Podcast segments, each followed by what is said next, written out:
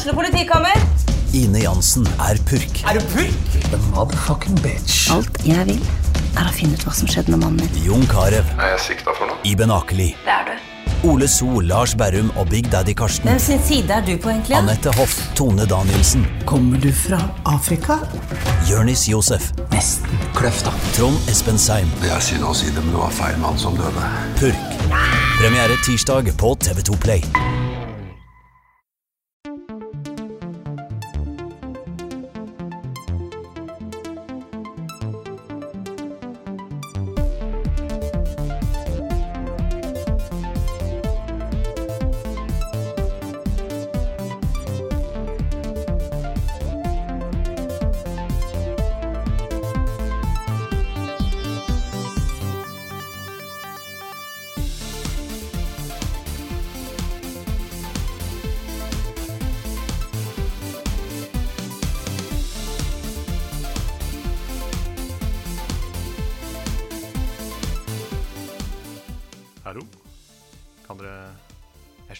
Sliter litt med å høre dere over lyden av det eksplosive comebacket. Velkommen tilbake til ny podkast, Level Backup.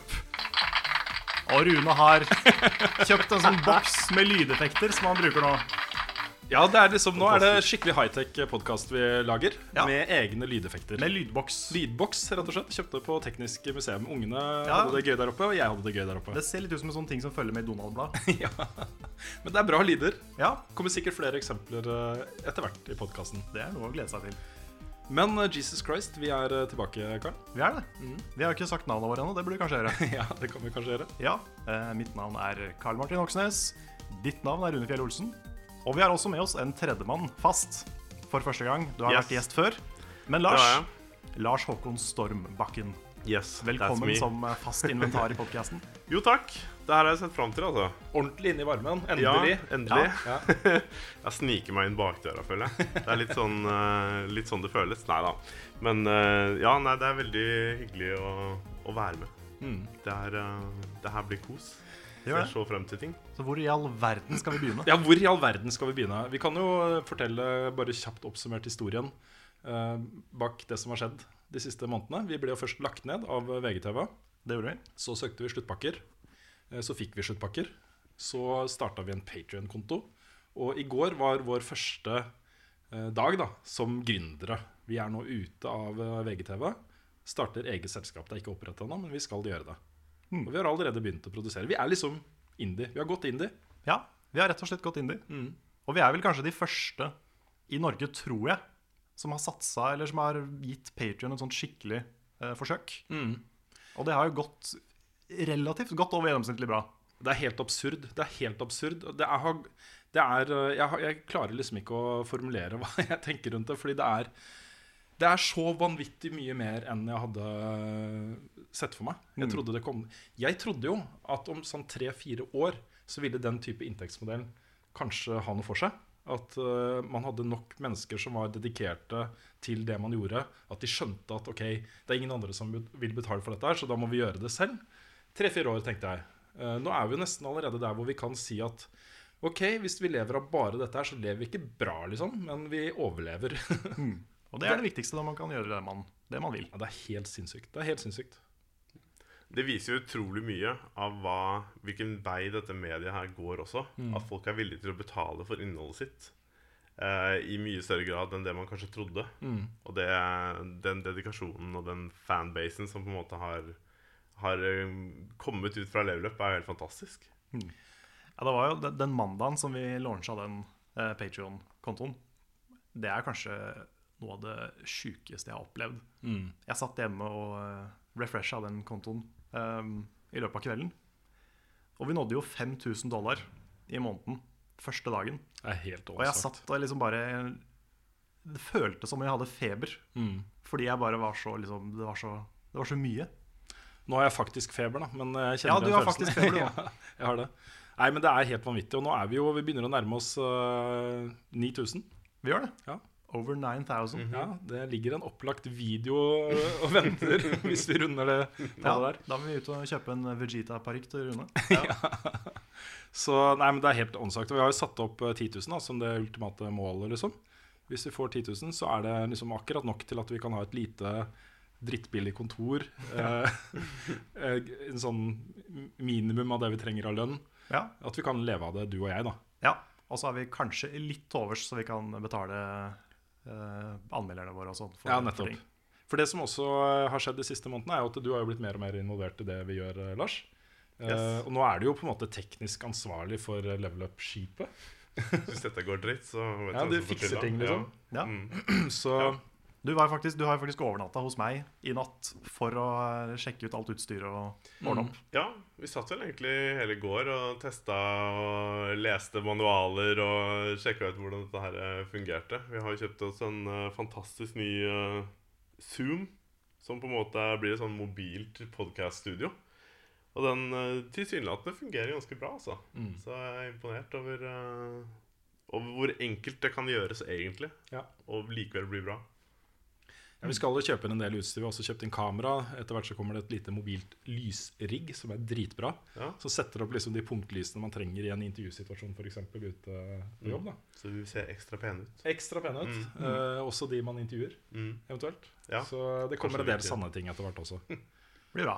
Ja, det blir kjempebra. Og um, det er i hvert fall én ting som, eh, som uh, egentlig vi har ment hele tiden, men som har blitt så utrolig tydelig de siste ukene og månedene. Det er jo det spesielle forholdet vi har til alle som ser på eh, programmet vårt, og som har fulgt oss over mange år. Eh, dere skal få møte to gjester etterpå som er sterkt delaktige i at vi sitter her i dag som gründere. Jeg har på meg skjorte i dag, til og med. Jeg ser litt Oi. sånn gründeraktig ut. Gjør jeg ikke det? Jo, du ser, du ser veldig voksen og seriøs ut. Ja, ikke sant? Ja. det er, eh, det er en direkte årsak til at vi turte å ta det spranget her, er all den backinga vi fikk i en ganske tøff periode. Ja, Med disse to gjestene i spissen, kan man kanskje si. Ja, så, så de skal dere få møte litt eh, etterpå i sendingen. Yes. Skal vi, eh, skal vi gå over på hva vi har spilt, eller skal vi si litt mer om hva planene på YouTube og sånn er fremover? Vi kan si litt om planene, bare Ja. sånn at vi har sagt det. Fordi eh, de neste ukene blir jo litt spesielle. De blir jo ikke vanlige arbeidsuker for oss. Vi skal etablere et selskap. Bare det er jo en papirmølle uten like. Eh, Der har Erik i Pressfire vært kjempegrei med oss og lagd en sånn smørbrødliste. En sånn sjekkliste. En gjør det, så gjør det, så gjør det. Maler til eh, stiftelsesdokumentet man skal lage og sånne ting. Veldig kompis. Ja, det er helt utrolig kompis. Bra folk. Ja, veldig bra folk. Så, så alle de tingene må gjøres, da. Det tar tid. Eh, vi skal også prøve å lande en sponsoravtale. Eh, jo mer penger vi kan få inn, jo bedre er det. Eh, og så har vi vært på et veldig interessant møte med et produksjonsselskap. Det har vi også. Eh, og i tillegg så er det veldig mange andre som vil snakke med oss. Vi har vært på flere møter. Jeg vet ikke om vi skal si hvem vi har vært på møte med. Er det Nei, jeg vet ikke. Altså, vi har jo ehm, vi har jo vært, Det har vært mye forskjellig. Litt sånn kontorplass. Det har vært, ehm, vi skal i et møte om eh, kanskje en webshop for eh, T-skjorter og sånne ting. Det er vel på torsdag. Det er på torsdag. Og så Ja, vi har egentlig sagt ja til å møte mye forskjellig. Massevis. Så, så vi, eh, vi sier ikke nei til noen akkurat nå. Så Derfor så blir det mange møter. Eh, Og det tar jo selvfølgelig mye tid. Ja. Så en av de tingene vi har snakka med de som har backa oss på Patron om, er jo eh, hvilke format vi skal ha på programmet vårt nå. eh, I disse ukene, i hvert fall.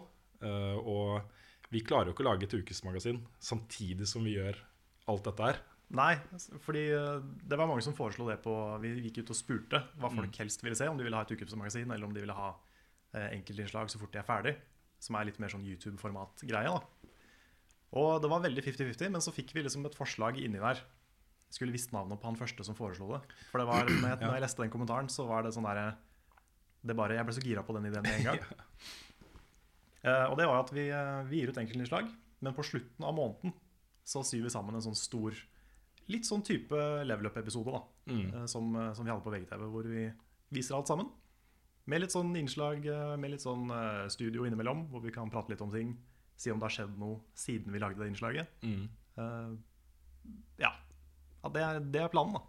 Det hadde vært kult å prøve å få til det på slutten av februar. At vi ikke venter liksom en måned etter at vi starta den 15. Liksom. Ja. Men at vi tar det på slutten av februar. Det er ikke så mange dager i februar, så vi har ikke så god tid på oss. Men Nei, vi, kan få, nei, ikke sant? vi kan få til en episode på slutten av februar. Ja. Kanskje liksom kåre det beste spillet så langt i år, eller et eller annet. liksom Ja, At vi kan gjøre hver måned det beste spillet i mars. Det beste spillet i Tror vi allerede vet hva som er det beste spillet så langt i år. Ja, vi gjør kanskje det. Um, ja. Ja. Og med det så kan vi kanskje gli eh, grasiøst inn i neste spalte, hva vi har spilt.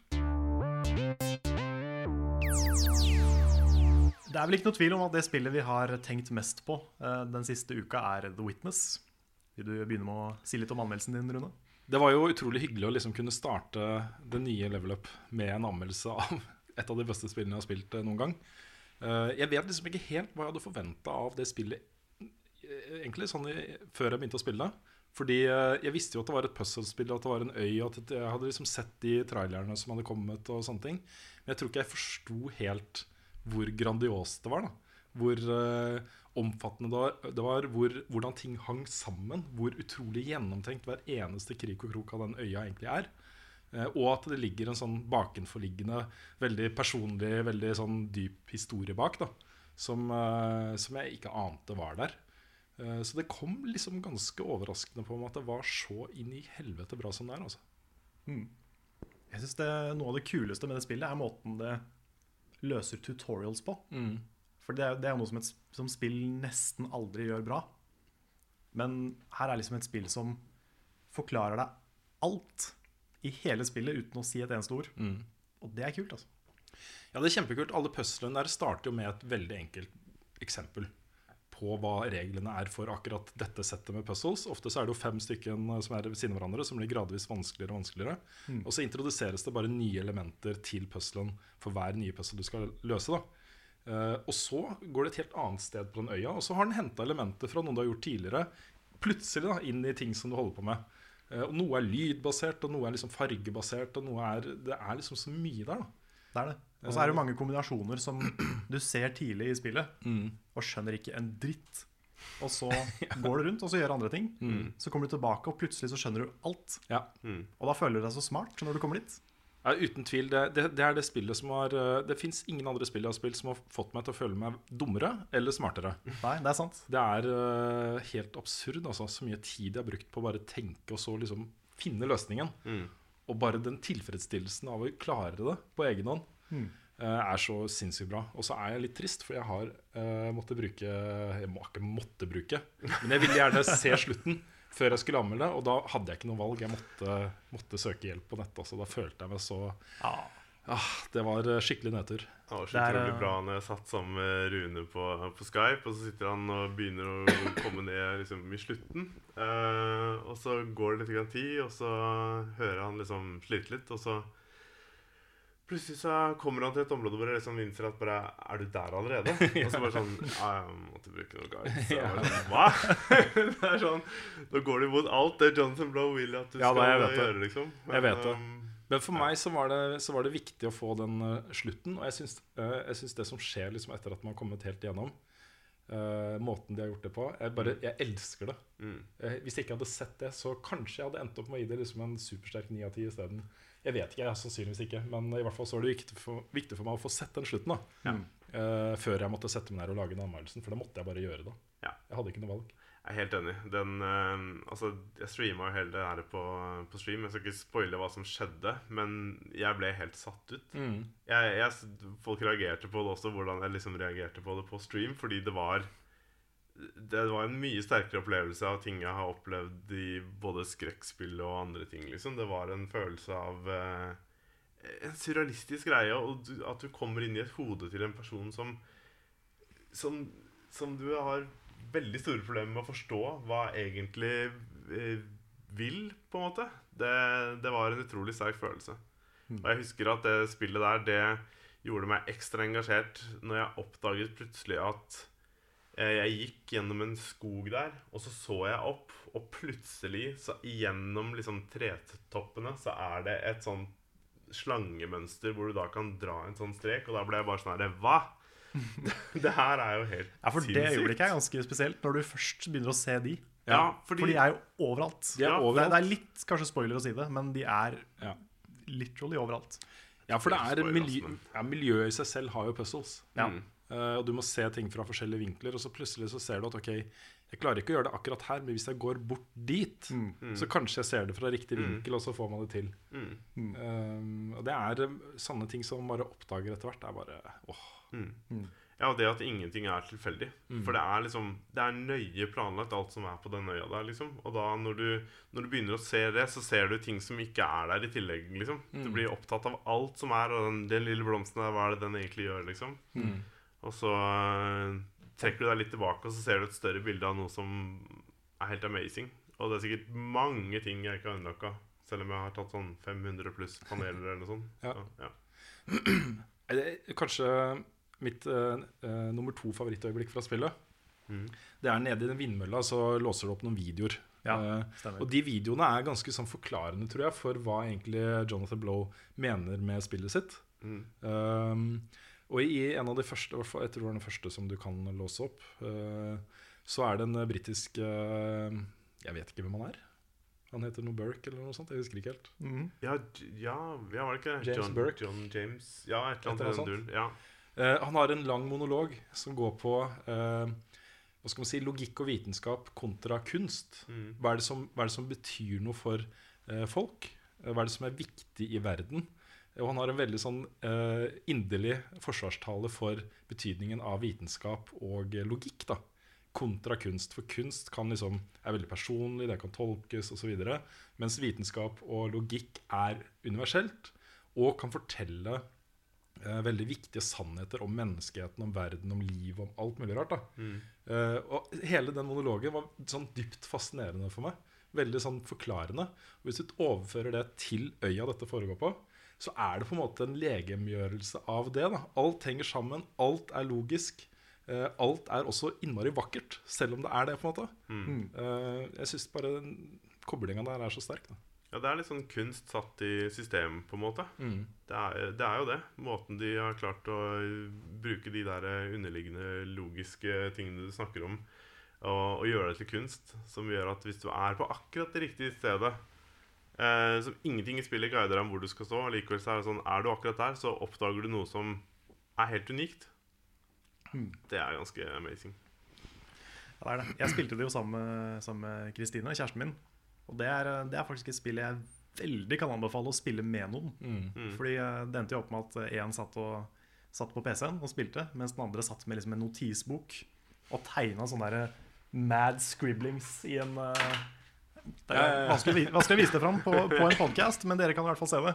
Dette er liksom, Den boka her var tom før vi begynte å spille The Witness, og nå er det bare masse gale tegninger i den her. Ja, det er veldig kult. Det er litt sånn jeg hadde hjemme hos meg. Jeg bare brukte Post-It-lapper. Så jeg hadde sånne Post-It-lapper overalt som bare plasserte rundt. Jeg hadde, til slutt var det liksom fargelagt av Post-It-lapper. Kunne sikkert lagd et eget system av det også, for alt jeg vet. Jeg brukte mobiltelefonen, jeg. Ja, du gjorde det? Ja, jeg tok eh, bilder av ting, og så Fordi ofte så er det jo ting du må observere et sted, og så skal du bruke det et annet sted. Ja, vi også tok mye bilder. Mm. Og eh, det er kanskje litt skrut å si det, men vi klarte det faktisk uten uh, å gå på internett. Og det var Ja, sånn Sjæl, ass! Ja. Ah, Tusen takk. tusen takk Men det var, det var sånn stolt gaming-øyeblikk. Det var sånn ordentlig. Sånn ordentlig stolt eh, øyeblikk. Ja, jeg er eh, litt bitter over at jeg ikke hadde muligheten til det. Ja, men du hadde jo jeg, jeg tror du hadde gjort det hvis du ikke hadde den deadlinen på Jeg hadde klart det. Ja. Og de, dette er et sånn perfekt spill, eh, og et godt eksempel på hvordan det er å være anmelder, egentlig. Ja, det er sant. ja, fordi Hvis jeg ikke skulle anmelde dette spillet, så ville jeg ha tatt det fram nå og da. Løst noen puzzles, eh, lagt det fra meg, spilt noe annet, kommet tilbake. Brukt lang tid på det. Tatt meg skikkelig god tid. Det er et typisk sånn spill som det går an å gjøre det med. For du kan eh, spille det i eh, halvtimes bolker. Før eller seinere så kommer du deg gjennom. Hvis du bare ja. Mm. Det er sant. Ja, Oppdaget dere, dere noen gang at dere, det var et puzzle dere satt fast på, eh, som dere ikke klarte å se løsningen, og så gikk dere vekk fra det, og så kom dere tilbake, og når dere kom tilbake til puzzlet, så plutselig bare satt det med en gang? ja, ja. Det skjedde ofte. Ja. Ja, det, det var en ganske sånn utrolig følelse, for du på en måte Du låser deg inn i én løsning, og så klarer du ikke å se noe annet. Og så kommer du tilbake med litt friske øyne, og så er det sånn Aha, sånn er det. Jeg tror jo det også er mye spillets eh, fortjeneste. Mm. Jeg tror den type Man kaller det ofte hjernetrim, og jeg, jeg tror det er det. Jeg tror du Du må passe litt på mikrofonen din, nå, for du forsvinner fra øret mitt. her Ja da? Ok, ja, greit. uh, man, kaller, man kaller det ofte hjernetrim. Ikke sant? Og det er, jeg tror det er fordi man trener opp hjernen til å tenke på eh, problemer på en spesiell måte. Mm. måte. Uh, at man lærer hjernen å være kreativ. Da. Men fikk dere vondt i huet? Altså, Ja, jeg gjorde det. Ja, for jeg også fikk det ofte, faktisk. Ja, det er- man, er- jeg tenkte så jeg knakte. Ja, for jeg, jeg, tror det er, jeg tror ikke det er liksom Det er noen som sier at det er pga. fargene er så sterke. og sånn Jeg tror ikke det har noe med det å gjøre. Nei, det er fordi det. du faktisk tenker så Ja, hardt du at du får vondt i hodet. Eller, nei, jeg opplevde aldri for vondt i hodet. Men det, det jeg opplevde mer sånn at jeg tenkte at OK, klokka var halv tolv. Vi hadde nettopp spilt noe Destiny-greier, jeg og Rune. Og så sånn, ja, jeg skal ta et par puzzle før jeg legger meg. Klokka halv seks om morgenen så var det sånn der Oi, shit, nå har jeg sittet lenge, liksom. Men Ja. du, det, det er så Jeg blir så hekta. Mm.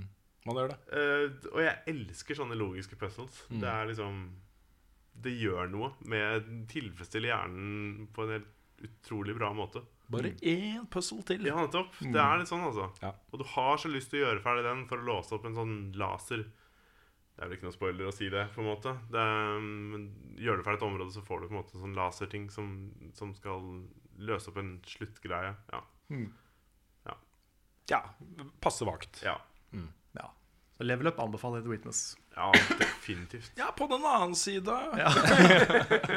Nei da, men det er et av de beste spillene jeg har spilt. Og det er uh, um, Det er fantastisk. Det er jo også et poeng at eh, det ikke, det ikke sikkert er et spill for absolutt alle.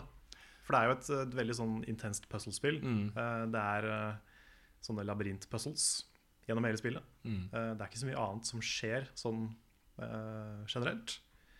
Så du må jo være litt glad i det, kanskje. Du må i hvert fall, du må i hvert fall tolerere det. Ja, Men hvis ikke du er glad i det, så er det kanskje også fordi du ikke vet du er glad i det. Ja, nei, det er sant. Ja, jeg tror litt også at det kan vokse litt på deg. Fordi jeg tenker at uh, alle mennesker har en eller annen form for logisk uh, tankegang. Og selv om du på en måte føler at ikke du har den, den beste IQ-en, uh, så føler jeg ikke nødvendigvis at det er avgjørende for, eh, eh, for å spille dette spillet her. Og ettersom du gjør flere og flere puzzles, så vil du lære deg ting. Du vil føle at du blir smartere. Du vil få en, en utvikling som på en måte eh, tilfredsstiller deg, da. Um, og jeg tror mange ville fått seg en aha-opplevelse av å spille det spillet her. Og så syns jeg det er kjempemorsomt at eh, før sending så ba du alle om å bare skru av mobiltelefoner og, og sånt. Og så er det din mobiltelefon som ringer. Ja, det er kjempebra. sånn, er, eh, sånn, er, eh, sånn er livet. Men eh, har vi spilt noe annet de siste ukene slash månedene? Det er kanskje, kanskje mye. Ja, det er mye, kanskje for mye å ta alt. Ja. Men vi kan jo ta de mest aktuelle tingene, kanskje. Mm. Naturlig å gå videre med Unravel. Ja, jeg kan jo, kan jo si litt om det. Jeg anmeldte jo det nå første uka. Jeg la ut anmeldelse i går. Og jeg likte det veldig godt. Skal vi, skal vi si litt om den der nye karakterskalaen vi bruker? Ja, det kunne vi gjort. Ja. Passe tidspunkt å gjøre det på. Jeg ga jo det spillet en sju av ti. Hei! Og, og noen Ja, så kom kom til den. Ah, så bra. Nå øver vi inn den der, eh, så du bare har den klar. den. eh, er litt for lang, den lydeffekten der. Ja, nei, det Litt var akkurat, akkurat passe. Akkurat ja, Ja, det er flere, flere andre morsomme der også. Ja, så bra. Det er bare å glede seg, kjære lyttere. Um, ja, nei, vi, det er jo noen eh, Altså Betydningen av sju av ti føler jeg er litt forskjellig, kanskje litt avhengig av hvilken webside du er på. Og sånne ting. Eh, vi har jo eh, tenkt at vi skal jo bruke hele skalaen. Det er ikke sånn at fem av ti er et drittspill. Nei. Det er mer sånn midt på treet, liksom. Midt på, det skal være, liksom, Det skal være midt på treet. Ja. Så, så en sju av ti er fortsatt et bra spill. Det er ikke sånn at eh, åtte til ti er det eneste som er bra. Mm. Så det er liksom viktig å, å si, da. Ja. Det var En gang i tida så vurderte jeg å innføre eh, 1 til 10 som en delkarakter i tillegg til ternekastet i VG, og hadde litt diskusjoner eh, rundt omkring eh, eh, om det. da. Eh, og det viktigste en sånn eh, skala kan tilføre, er at tieren blir sjeldnere enn sekseren er. Ja. Fordi den er, det er større spennvidde det er den viktigste tingen det kan tilføre. Det skal komme mange færre ti av ti enn det kom eh, terningkast seks. I utgangspunktet så er det liksom greia. da. Så jeg vil si at en, eh, en 9 av 10 og en 10 av 10 er liksom terningkast eh, 6. Eh, 8, eh, ja, 8 til 9 av 10 er terningkast 5. 6, 7 er terningkast 4. 4, 5 terningkast 3. Ja. Eh, hva blir det? 2, 3 terningkast 2 og 1 terningkast 1. Liksom. Ja. Det er litt den greia vi kommer til å gjøre, da. Så egentlig så burde vi hatt en sånn 9,5.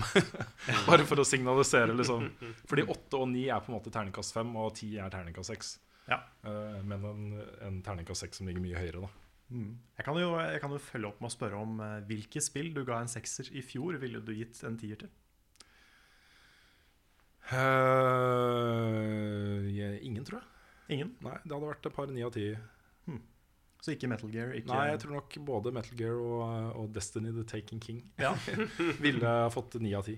ja ok. Um, For jeg ville, jeg ville fortsatt gitt ti av ti til eh, Bloodborne og uh, Undertale. mm. Men det er bare de to. Nei, jeg ser den. Det, liksom, det, det blir færre ti- tiere. Det, gjør Det det. gjør det. det er litt kult. Mm. Eh, ellers så kan jeg nevne at jeg har spilt uh, Det har jo Lars òg. Jeg har spilt veldig mye Final Fantasy 14.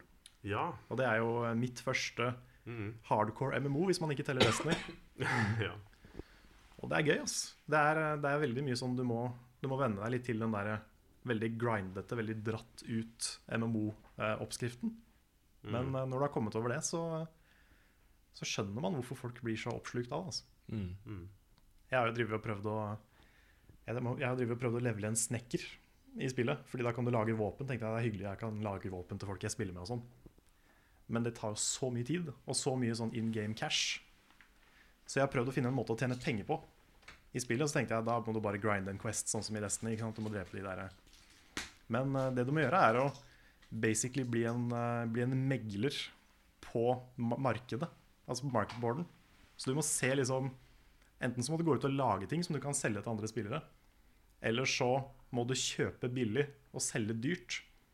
Så det er et sånt helt, en helt egen økonomi her som ikke jeg liksom har eh, sett før nå. Da. Mm. Det er sikkert veldig old news for de som spiller MMO-er, men eh, det er ganske spesielt.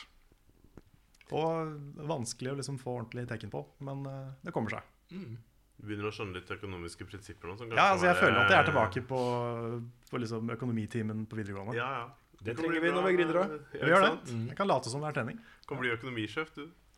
ja. Ja. Ja. Det er, eh, passer bra at jeg ikke er så god til det. Så ikke engang i en virtuell verden klarer jeg økonomi. Åh.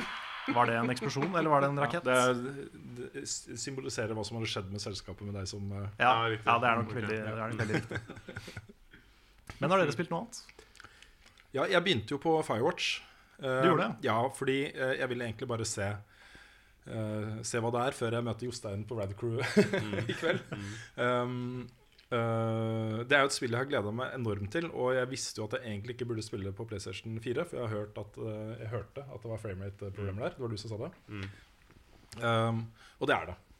Det er det. Men jeg syns allikevel at, at den umiddelbare skuffelsen jeg føler for det spillet, Mm. ikke er framerate-avhengig. Nei. Men jeg, jeg kan Spoiler alert. Den eh, blir eh, Den, blir, den laggen blir verre jo lenger du kommer ut i spillet okay. på PlayStation 4. Og på, når du nærmer deg slutten, så ble det så voldsomt for meg at jeg bare Dette her, det går ikke. Mm. Eh, så da begynte jeg å spille hele greia på nytt igjen på PC, og gjennomførte det på PC. Nettopp. Og det, Men eh, hva syns du om det spillet? Fordi jeg altså, Det handla mest om måten det var bygd opp på, eh, dramaturgien i det, eh, hvordan man håndterte gjenstander, mm, de tingene som jeg rett og slett syns var litt sånn ja, Knotete. er Ikke knotete, men litt sånn ah, litt kjedelig. Ja. Eh, ja, altså mye av det som eh, setter stemninga i det spillet der, er jo eh, musikken, lydene og dialogen mellom hovedpersonen, som er deg, og, um, og eh, den du snakker med. Nå skal det sies at uh, det er en liten forhistorie som du på en måte spiller, skal jeg ikke si noen ting om, Uh, som setter liksom grunnlaget for spillet. Og så, um, og så når du da har kommet ut til og blitt skogvokter, så, så legger den mye grunnlag for hvordan du ønsker å forholde deg til de andre menneskene. Og det syns jeg er litt spennende. Uh, og den dialogen mellom de to er ganske fantastisk. Jeg syns de har en utrolig sånn eh, fascinerende, ekte eh, dialog som, som er genuint morsom og, og spennende, da. Um, interaksjonene er jo kanskje ikke så veldig mange, men det er uh, Og det var litt pga. frameraten, derfor jeg bytta til PC. Fordi det, det er stemningen og musikken og de tingene der som, som setter hele, um, hele poenget for det spillet. Og da Ja, det ga meg masse. Mm. Jeg, jeg, det er vanskelig å begynne å si ting her uten å spoile, altså. Fordi det Ja, det er eh, Apropos spoile, mm, så har vi jo lekt med tanken på å lage egne spoilercasts. Yes. Hvor vi kan faktisk eh, prate i evigheter om et spill Mm. med eh, alle spoilere. Mm. Som folk kan se på hvis de har spilt ferdig. Ja. Eller høre på, blir det kanskje. Ja, høre på.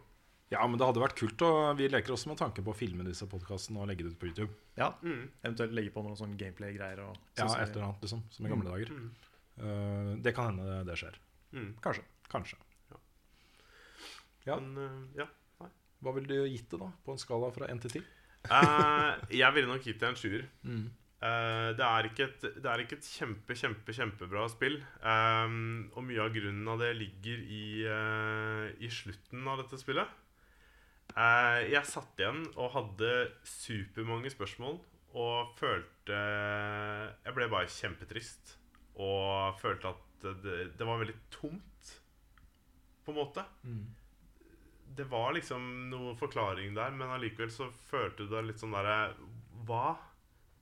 Skal det ikke være mer? Hvorfor, hvorfor slutte her? Det her gir ikke noe mening. Det er bare trist. Eh, og, da, og da. Men jeg syns mange av elementene underveis og sånne ting og den stemninga og følelsen var eh, helt fantastisk. Så um, jeg ville nok havna på en sjuer.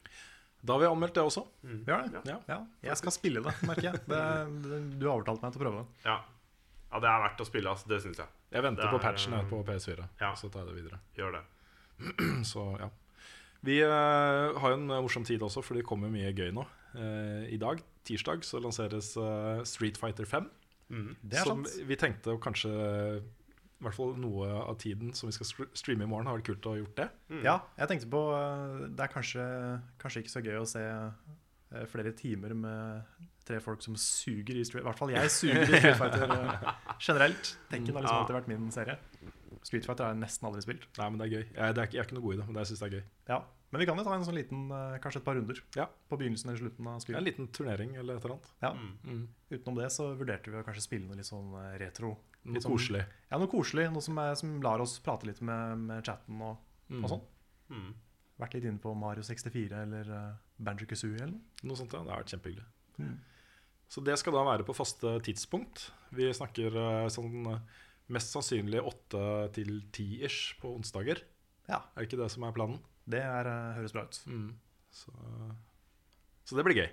Blir bra.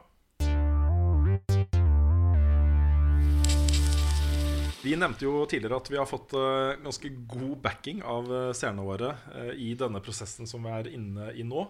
Og det utmerka seg jo tidlig to navn som var ekstra delaktige til at vi faktisk turte å ta dette skrittet her. Eh, og det navnet var nesten helt likt, i hvert fall delvis. Det er to brødre. Eh, David og Thomas Pollen Stavik, nå er dere gjester hos eh, oss. Velkommen. Tusen takk. Tusen hjertelig takk. Og historien var vel sånn at det var du, David, som oppretta støttegruppa La Level Up Levele på Facebook. Ja, det stemmer. Det var ganske så kjapt også. Fortell litt om den prosessen, hvordan dere tenkte, eh, hvorfor dere gjorde det. Ja, eh, det er ikke så mange tanker. Det var egentlig bare mer sånn emosjonell følelse som eh, satte i sving at eh, dette går ikke. Det har ikke vært noe Ocarina of Time-klassikerinnslag ennå. Eh, nei, eh, men det var egentlig bare veldig umiddelbar handling at nei, dette, dette er for kjipt, liksom. Dette går ikke. Vi må bare Vi må gjøre noe med en gang. Så Det var kanskje også litt sånn her eh, eh, Internett kan vinne-mentalitet. og at hvis vi lager nok reaksjoner, så kanskje det kan skje noe her. Så det var jo et sånn her eh, en reaksjon med litt håp og Ja, vi trodde, ikke, vi trodde ikke nødvendigvis at VG ville la seg snu sånn uten videre. Men vi tenkte kanskje at kanskje det kan påvirke de i level up, da, altså dere. At det vil ha en effekt på dere. At eh, ja, det kunne gjøre godt da å se noen som engasjerte seg for dere. Dere traff jo ganske bra på det. Ja, det var eh, det, Synes jeg. en god analyse av eh, hvordan det faktisk ble. For det er jo helt sant. Vi var i en, en periode hvor vi, vi var deppa, liksom. Vi hadde hatt drømmejobben. Den var borte. Hva pokkeren skulle vi finne på nå? Ja, vi var redde for at vi ville Eller vi, vi skulle jo bli plassert i VGTV. Eh, Mm. Dekke var en som var nyhetsviktig verdig der og da. Mm. Og eh, i forhold til å liksom jobbe fulltid med spill og kunne snakke om det vi, det vi brenner for, så er jo det en ganske sånn Det er en, fortsatt sikkert en kul jobb for mange, men veldig sånn downgrade for oss. da For oss er det definitivt, eh, definitivt det. Og da dette skjedde, det ble jo en sånn bølge av sympati som gjorde noe med oss. Altså Det snudde veldig. eh, Sinnet mitt eh, snudde. Mm. Det gikk fra å være veldig sånn åh, til å bli sånn oppløfta og litt sånn håp for fremtiden og sånt. Mm. Uh, og ikke minst så, så uh, ringte det noen alarmbjeller på VG også, for folk kom jo til oss uh, internt og var sånn Hva i helvete er det som foregår her, liksom? Dette må vi Vi må ikke la dette gå over styr og, og sånt. Og der var vi inne noen ganger også og ba folk om å roe seg litt med, med de stygge ordene mot VG og sånt. Ja, ja, ja. Fordi ja, vi mener fortsatt at eh, altså vi, er ikke, vi er ikke enige i beslutningen de tok. Vi mener at det hadde vært rom for en god spillsatsing i VG. Mm. Uh, men vi forstår den. Altså vi, vi har godt forhold til de, de gamle sjefene våre. Så ja. Det, det var noe vi snakka om ganske tidlig, egentlig, fordi at vi også så at det var veldig mye reaksjoner som kanskje var på kanten til eh, kjipe. eh, og som var ganske negative mot VG. Så da snakka vi en del om liksom, hva vi ville med gruppa, og hvordan vi skulle liksom, te oss, da, eh, eller eh, oppføre oss. Og da ville vi at det skulle være Vi skulle ikke gjøre noe overtramp på hva dere eventuelt ønska eh, for level up. Og vi skulle prøve å all, all reaksjon Vi ville gi en reaksjon til VG, eh, eller VGTV, om at dette kommer vi til å savne. Men vi ville at for, altså, de skulle oppføre seg, og, eller at alle, alle oss skulle oppføre seg. Skulle gå pent og ryddig for seg. Pent og ryddig for Ja. seg. At det ikke skulle være nerd rage. Ja, akkurat. Vi snakka litt om Gandhi. ja, så det ja. Ja, men men det, det må jeg faktisk si at det er jo kanskje den, den hyggeligste, høfligste reaksjonsgruppa jeg har sett på Facebook. Ja, sånn, det er sånn uten tvil. Ja. Så dere gjorde en bra jobb der, altså. Ja, kjempebra. Og jeg vet jo at uh, vår øverste, øverste sjef, Helje Solberg, fikk jo massevis av mailer direkte til seg selv. ja. Ja da, Og kommentarer på uh, alt som VGTV gjorde på Facebook. I en periode så var det bare hagla det med kommentarer. Hvorfor har dere lagt ned Ja, ja, det så jeg. På alle andre saker. Og... på alle andre saker og alt mulig rart? Og det var rart for oss å sitte der, fordi vi kunne ikke være en del av det. Vi var jo ansatt i VG. Vi kunne ikke på en måte gå ut og kommentere ting. eh, Og oppfordre til ting og sånt. Vi kunne ikke være delaktige i den prosessen. da men vi hadde jo lyst. Ja, ja. I hvert fall om ikke, annet, om ikke annet til å gi noen oppmuntringer til dere og fortelle dere hvor mye det betyr for oss. Så jeg husker Vi sendte vel et par meldinger bare sånn underveis hvor vi sa det. da Eh, Litt sånn off the record at eh, folkens, dette setter vi stor pris på. Eh, men det å gå ut offentlig og støtte sånn kampanje Det var nesten litt rart å være en, en del av kampanjen, for jeg ble jo bare lagt til eh, som moderator. Og det, det var sånn skal jeg, Ok, det er sikkert det må være innafor. Jeg gjør jo ingenting her, liksom. Men, eh, men det var Ja. Det var, det var noe vi bekymra oss litt for. da Var At dere ble lagt til av andre Mm. som kjente dere. Og da tenkte jeg på sånn Å nei. Ja, ja. For det er liksom Hvem er det som går inn i sin egen støttegruppe? Ja, liksom? ikke sant? Så uh, det, da, det var ikke meninga i så fall. Nei, men eh, Argumentet for å være der var jo at vi ville jo gjerne ha oppdateringene som kom derfra. Og det måtte, jeg- Da måtte man jo følge gruppa. på en måte Mm. Så sånn sett så var det greit. Jeg hadde kanskje ikke trengt å være administrator. Er du administrator? Jeg tror det. What? Ja, Jeg tror eh, vi har satt som det alle sammen. Jeg også ble satt som det. Jeg Ja, jeg, jeg synes det var, veldig, det var veldig eh, greit å bli invitert, for da var jeg, liksom, da var jeg i gruppa. Og så samtidig kunne jeg si at nei, det var ikke jeg som har joina gruppa. Ja, ja, ja. Jeg bare er der. Så det Kanskje var alle er administrator. alle i hele gruppa. er- Ja, Jeg hvem veit. Men det er jo en helt åpen gruppe, da. Så det er jo Men eh, nå er det jo sånn at vi er, vi er jo ansatt av dere eh, og de som støtter oss på Patron. Det er på en måte våre nye sjefer. Ja. Så eh, hva, hva syns dere vi skal gjøre nå? Hvordan ser dere for dere veien videre med Level Up? Ja, nei, altså jeg har tenkt på det der, og så har jeg tenkt liksom Jeg føler meg ikke som, eh, som eh, eh, At dere på en måte Altså ja, det er greit å komme med forslag, men jeg liker jo level up fordi jeg liker level up. på en måte Eh, Det er derfor jeg vil støtte level up. Ehm, så jeg vil jo absolutt høre på hva fansen vil og ønsker og sånn, men jeg føler meg liksom ikke som en eh, sjef. For da, tenkte jeg veldig på dette at eh, dere kjenner jo på en sånn her eh, litt sånn bekymring, eller sånn prestasjonsangst nesten, fordi at nå har det kommet så mye patrients bare på kjempekort tid. Uh, og da tenkte jeg oi, shit, må jo ikke liksom det er jo en grunn til at vi støtter dere, liksom. Det er ikke fordi eh, nå forventer vi eh, masse fra dere, liksom. Men eh, vi vil ha level up tilbake, liksom. Det er derfor vi eh, Jeg har en, en tanke, da. For jeg, jeg er jo familiefar. Ehm, så eh, jeg veit ikke hvor mye dere skal streame og, og sånn. Men jeg setter veldig pris på å bare kunne se når jeg ønsker å se. da Eh, At jeg ikke må være avhengig av stream. Så Jeg var sånn Ok, jeg, jeg håper det blir litt stream, for jeg pleier å se på hver av dere når dere streamer. Men at det blir mest fokus på liksom de gode innslagene da som dere er så flinke til å lage. det så. Ja, det er ikke umulig at det blir en god miks der også, fordi eh, det å streame eh, krever ikke så voldsomt mye av oss. Eh, Da spiller man et par timer, og så er det på en måte over. Det å Mm. lage et innslag er jo det som tar tid. Eh, Det er jo Men det er også det som er i hvert fall for meg mest givende å gjøre. Ja, det er sant det også. Fordi du føler du har kanskje skapt noe litt mer enn det du gjør når du bare sitter og prater. Mm. Jeg tenker at Det er også det dere har bygd levelet på. Altså Ja. Den basen med folk som står bak dere nå, er alle de gode innslagene. Eh, ja. Vi skal ikke slutte med det. og så føler jeg veldig bra. på det når vi sitter her akkurat nå, at uh, for meg så blir dere på en måte liksom legemgjørelsen av seerne våre. Dere, det er sånn dere um, manifestering av Ja. hele bunchen. på en måte Jeg kjenner at dere er veldig glad i dere. Altså, det, er, det er veldig kult, altså. Ja, det er veldig koselig. Det er gøy å få være her. i hvert fall. Altså vi, det som var da Vi satt i jula. Thomas, feiret, Thomas og kona kom opp til oss i Ålesund og feira jula der oppe. Og da satt vi og hørte på den siste podcasten Og vi var superbømd, altså. Vi var så bømd.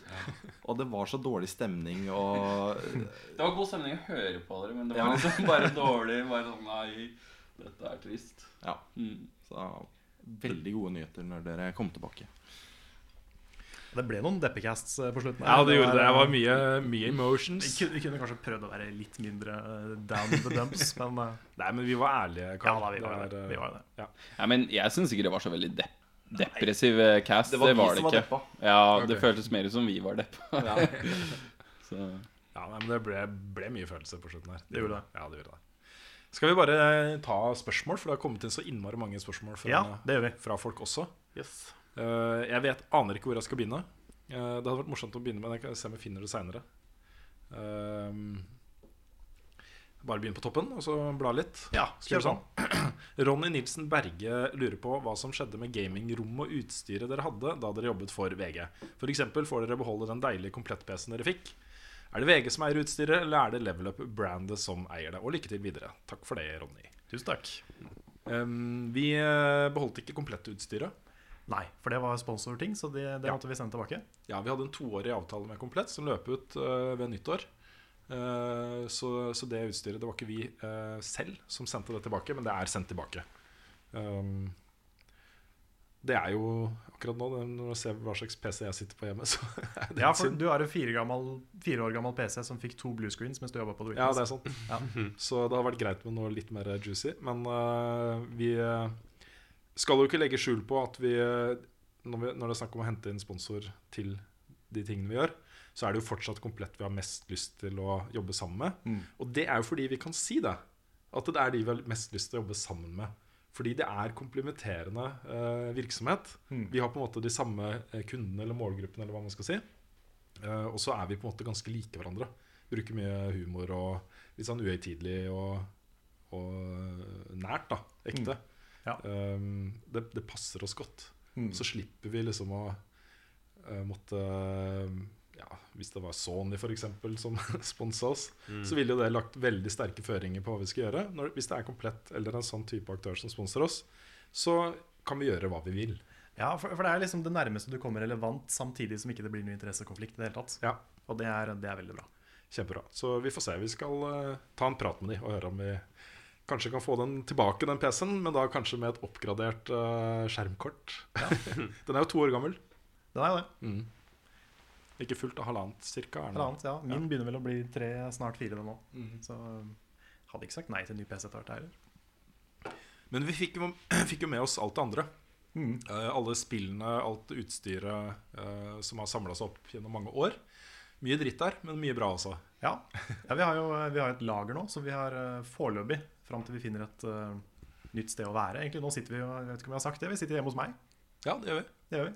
Så vi har ikke noe sted å liksom dra på jobb ennå. Nei. Men uh, når vi får det, så kan vi flytte litt ting ut fra lageret og inn i et nytt level up hjem. Ja, for på fredag så, så leide jeg en bil. Så kjørte vi til VG, og så tømte vi lageret. eh, Masse esker. Og så kjørte vi det til et annet lager. og der slår det nå, da. Ja. Så inntil videre. Det er mye greier. Det er eh, veldig mye greier. Uh, Tor William B. Påske spør Lurer på om dere er på utkikk eller har skaffet dere eget lokale slash kontor. Min mening er at når man starter sin egen bedrift eller virksomhet, er det sunt å holde det utenfor hjemmet, slik at man får mer den på jobb-følelsen. Samt at det er mer ryddig når dere skal ha alt fra post til eventuelle møter med sponsorer eh, med mere. Um, Ja, det, det svarte vi litt på, men han har jo et godt poeng. ja. Han sier også by the way, dere må få merchandise. Branding er alt. Og vi vil brande oss. Det hørtes ut som sånn sekt. ja, nesten. Ja, kanskje vi istedenfor uh, uh, klær, så kan det være tatoveringer. Fysiske tatoveringer. Ja, brennmerke. inn- Ja, brennmerke. Ja. Det var et bedre måte å si det på. Mm. I panna. I panna. uh, ja, nei, men vi, eh, vi tenkte jo eh, i forrige uke at kanskje ikke vi trenger kontorer. Eh, kanskje vi kan eh, liksom isteden eh, ha et adhoc uh, studiotype ting som vi kan dra til for å filme. Men vi har jo skjønt at det hadde vært det beste. Ha et kontor som vi kan rigge litt som et studio, hvor det går an å bare skru på kamera og filme og gjøre ting sammen. Eh, for det mister vi når, vi sitter, når du sitter her på uh, Sins... Nei, Rosenhoff. Eh, Og jeg sitter på Frogner, Oslos eh, flotteste bydel. Så det trenger vi, Karl. Ja, Og Lars. det. Ja. Mm. Det er, eh, det er et godt poeng. Vi sparer Eh, mye tid også på å ha et sted vi kan bare gå og spille inn podkasten, Mm. istedenfor å måtte rigge opp eh, 40 ledninger hos meg og, Ja. og sånn. Så um, helt klart en fordel. Og så gjør det litt enklere hvis alt utstyret er klart. liksom Ja. Du, du, du kommer og- dit, og så er det på en måte bare å sette seg ned og gjøre det. Du mm. slipper å måtte tenke på liksom bare å Denne gangen glemte jeg å plugge inn den ene ledningen, og så blei opptaket ødelagt. liksom det, ja. Så kan vi ha en green screen hvis vi noen gang føler for å være Neil deGrasse Tyson i verdensrommet. Og, Ikke sant? og sånne ting. Mm. Og så kan det hende at vi kanskje um, lander en avtale som uh, kan inkludere kontorplass og studio. Ja. Vi har jo vært allerede på ett møte med noen som har tilbudt oss det, hvis vi går for det. Um, kanskje det kommer flere sånne. Kanskje vi går for de, hvem vet. det, det kan jo tenkes. Så vi har ikke lyst til å liksom knytte oss til noe ennå. Vi vil se litt an eh, hva vi faktisk skal gjøre i de neste månedene. Yes, men det er et godt innspill, uh, Tor William. Vi eh, har gradvis blitt eh, enige. Eh, skal vi se. Eh, Robin Amir Rondestvedt Modnib eh, spør Jeg er helt for at dere prøver ut YouTube-løsningen med å legge ut flere filmer og så eventuelt samle det et, eh, til et månedsmagasin. Jeg forstår det kommersielle i det hele, og at det helst skal være flest mulig seere og kroner på konto. Jo mer penger til dere, jo mer underholdning til oss. Men frykten min er at det personlige preget og samhandlingen deres minsker med enkeltinnslag. Kan dere si noe om dette? Blir det en sketsj eller to i ny og ne, og får vi se dere snakke og hygge dere sammen? Ja da. Det er absolutt planen. Det er jo I tillegg til den podkasten her, så skal vi jo streame masse. Vi skal uh, lage det nevnte månedsmagasinet, hvor vi skal prate mye. Uh, og så blir det jo definitivt litt mer sånn uh, mer random, kanskje litt tullevideoer av og til, hvis, hvis vi finner på noe gøy. Ja, der, der har vi liksom allerede storyboardet klart til mange ting. Ja, ja. Så når vi får gode ideer nå, så kan vi jo bare lage det og legge det ut. Det har vi tenkt til å gjøre, selvfølgelig. Ja, For det er viktig for oss å beholde den der level up-spiriten. Ja. Fordi den er oss, Mm. og vi lager det fordi det er oss. Ja. Så øh, vi skal prøve å finne en balanse der som er riktig. Det, det er det ingen tvil om. Eh, skal vi se. Eh, Tony C. Modal spør Nå tar jeg jo alle spørsmålene. Det er jo kommet 104 av dem, så jeg vet ikke om jeg rekker å komme helt i bånn. Eh, greit, vet dere starter for dere selv nå etter nedgangen i VG. Dette er bra for oss og bra for dere. Men lurer litt på, eh, blir det Rune, Carl og Storm-Lars, eller hvor tenker dere fremtiden ligger? Kommer de gamle fjesene tilbake, eller nye? Eller må noen jobbe litt på dugnad? Kunne dere tenke dere litt hjelp av oss seere, og i så fall hva annet enn penger? Jeg syns Level Up er kjempemoro og underholdende, og kunne gjerne tenke meg å bidra. Mm, ja. Det er uh, Vi har hatt et møte med resten, for å ta den biten først. eh, med eh, Nick og Frida og Svendsen og de andre. Um, og intensjonen vår og ønsket vårt er jo at de fortsatt skal være en stemme i universet vårt. Mm. At vi fortsatt skal gjøre ting sammen med dem. At de skal kunne lage innslag og anmeldelser og alt mulig rart. Vi kan ikke betale de like mye som de fikk i VG ennå. Nei, det kan vi ikke. Men det som er så, det som er så fint, var at alle var gira på å fortsette uansett. Ja. Så det er en sånn Det virker som de er veldig positive til å fortsette, da. Mm.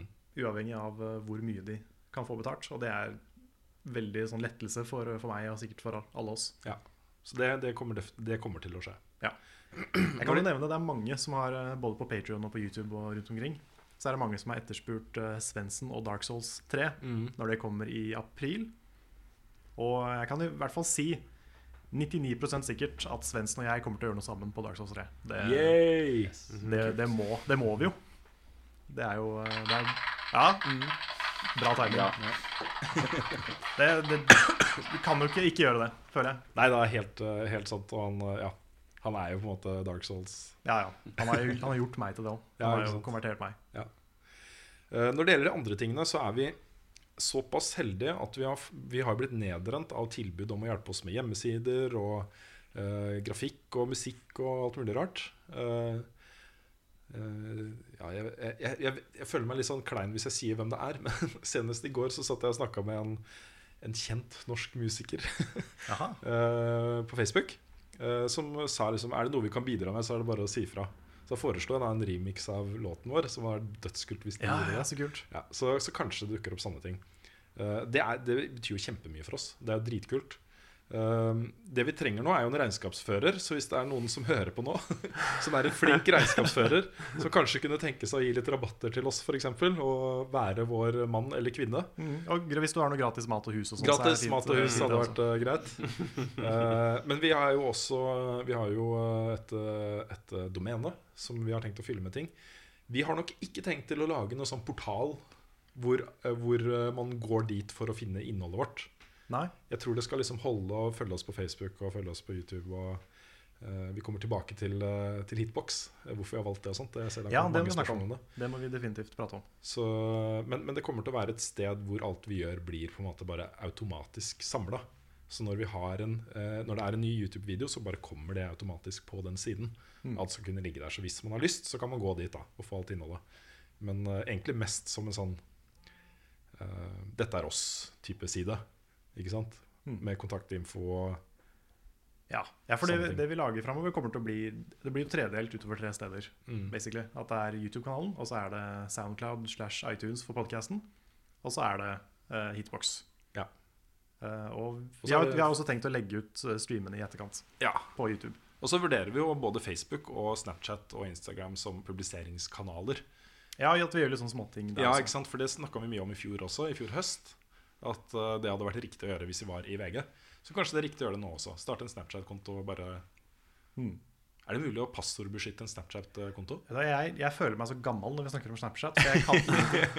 Nei, men det er, det er en eh, Vi har begynt å legge ut tilbake om filmene til Patron-backerne våre. Mhm. Hvis det er mulig å passordbeskytte en Snapchat-konto, så kunne vi kanskje ha gjort det. Det er sant. Og så bare gitt de som backer oss på Patron passordet til den eh, kontoen. Mm. Det er en uh, kul måte, for det er instant, ikke sant? Det er sant. Kanskje. Kanskje. En tanke. En tanke. Um, skal se, nå må jeg leite litt. Det er dumt at det er bare jeg som har eh, spørsmål her. Altså. Ja, jeg kan jo for så vidt ta de fram, jeg òg. Jeg bare er litt forsiktig med ha masse mobiler i nærheten av mikrofonene. Um, ja, her er et spørsmål fra Pål Lone. Uh, han sier gratulerer, og jeg gleder meg til, det nye podcast, til nye podkastepisoder. Er det andre ting enn karakterskalaen dere har tenkt på, som dere nå ønsker å forandre? Etter en travel uke på egne bein, hva blir favorittspillet i sofakroken til å koble av i slutten av uken? Det var et ikke business-relatert spørsmål, og et business-relatert spørsmål. Så Ja. det er, Fin balanse. fin kombo. vi vi har lyst til å eh, få ny logo. Ikke nødvendigvis ny logo, men bare noe som er eh, noe som føles som noe litt nytt. Ja, noe litt, kanskje noe litt mer snappy som, som symboliserer overgangen fra et, eh, et tungt VG-magasin til noe litt mer sånn fritt på YouTube, kanskje. Så, så det, der, der har vi samtaler med en av Norges kuleste designere om akkurat det. vi får se om vi kommer i mål.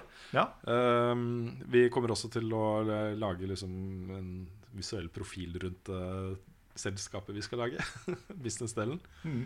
Uh, og så kommer vi til å trenge alt annet også. I, inntil videre så kan vi bruke de gamle vignettene og de gamle musikken og den gamle overgangen og alt dette her. mm. Men det har jo vært viktig for oss også mens vi var i VG å fornye oss av og til. Dette er jo på en måte en veldig god anledning til å fornye seg, til å gjøre nye ting. Så, så kanskje. Mm. En ting som er litt sånn befriende for min del, det er at eh, jeg har en tendens til å lage veldig lange klassikerinnslag. Eh, og det er ikke alltid vi har kunnet det i VG. Fordi episodene blir jo halvannen time lange, og det er ikke alle på VG som syns det var så kult. Um, men nå kan vi jo egentlig ha så lange videoer vi vil. Nå som de står aleine. Så um, jeg har vurdert å gå tilbake til noen av de gamle og gjøre de lenger. Og lage en sånn extended edition av noen gamle innslag. Men uh, veit ikke om det er riktig prioritering, om jeg skal lage nye ting isteden. Tenk litt på det. Mm. Hele verden er uh, åpen. Det er noe med det. Ja. Det er så bra. Mm. Vi kan gjøre så mye forskjellig. Får lage en sånn Directors Edition.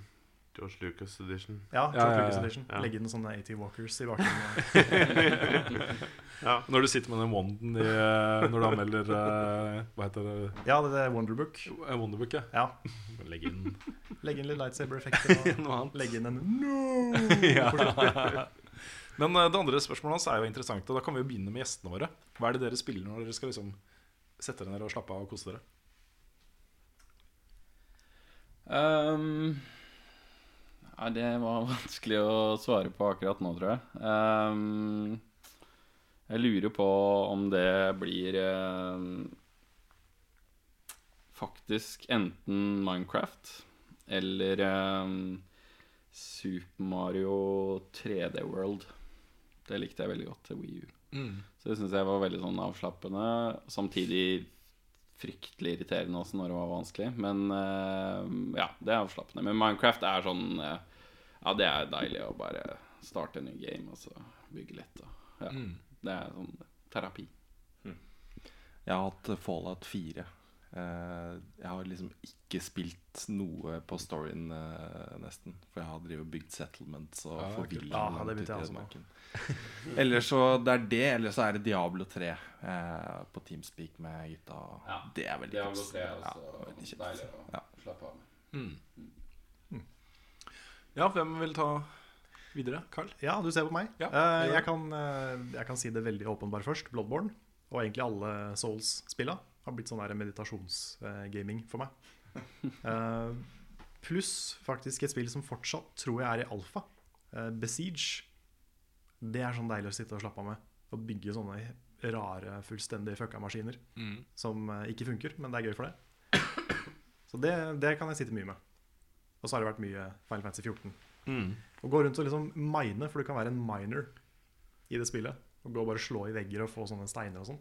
Utrolig monotont, men noen ganger så er det litt deilig. Høres ut som et annet spill. uh, Ja, Jeg som kjenner du, til. Du har vært borti. Du har kanskje et par. som handler om å slå ting, så kommer det ting. Ja. Ja. ja. Mm. Det, du sier noe. Men det er, ja, det er, det er, litt, sånn, det er litt sånn zen. Ja, Så um, det er kos. kult. Lars? Ja, Civilization 5. Ja, ja, ja. ja. Det er, eh, det er kosespill, altså. Det er sånn Sette seg ned Du må sette av noen timer, da. Det går jo fort åtte timer. Liksom, Det er skummelt å begynne på Civilization 5 eh, sent på ja, kvelden, altså. Ja, det er det. Um, nei, det er, det er chill. Det er utfordrende. Gøy å bygge opp uh, landet sitt og prøve å gjøre det bedre enn alle de andre. da ja. Prøve å vinne på nye måter og sånn. Ja, nettopp. Det, det er mye bugs i det spillet, men det er, uh, Ja. det er, det er skikkelig, skikkelig kos, faktisk. Så ja. Er dere spente på, på mitt, eller? Jeg er Ja, veldig spent.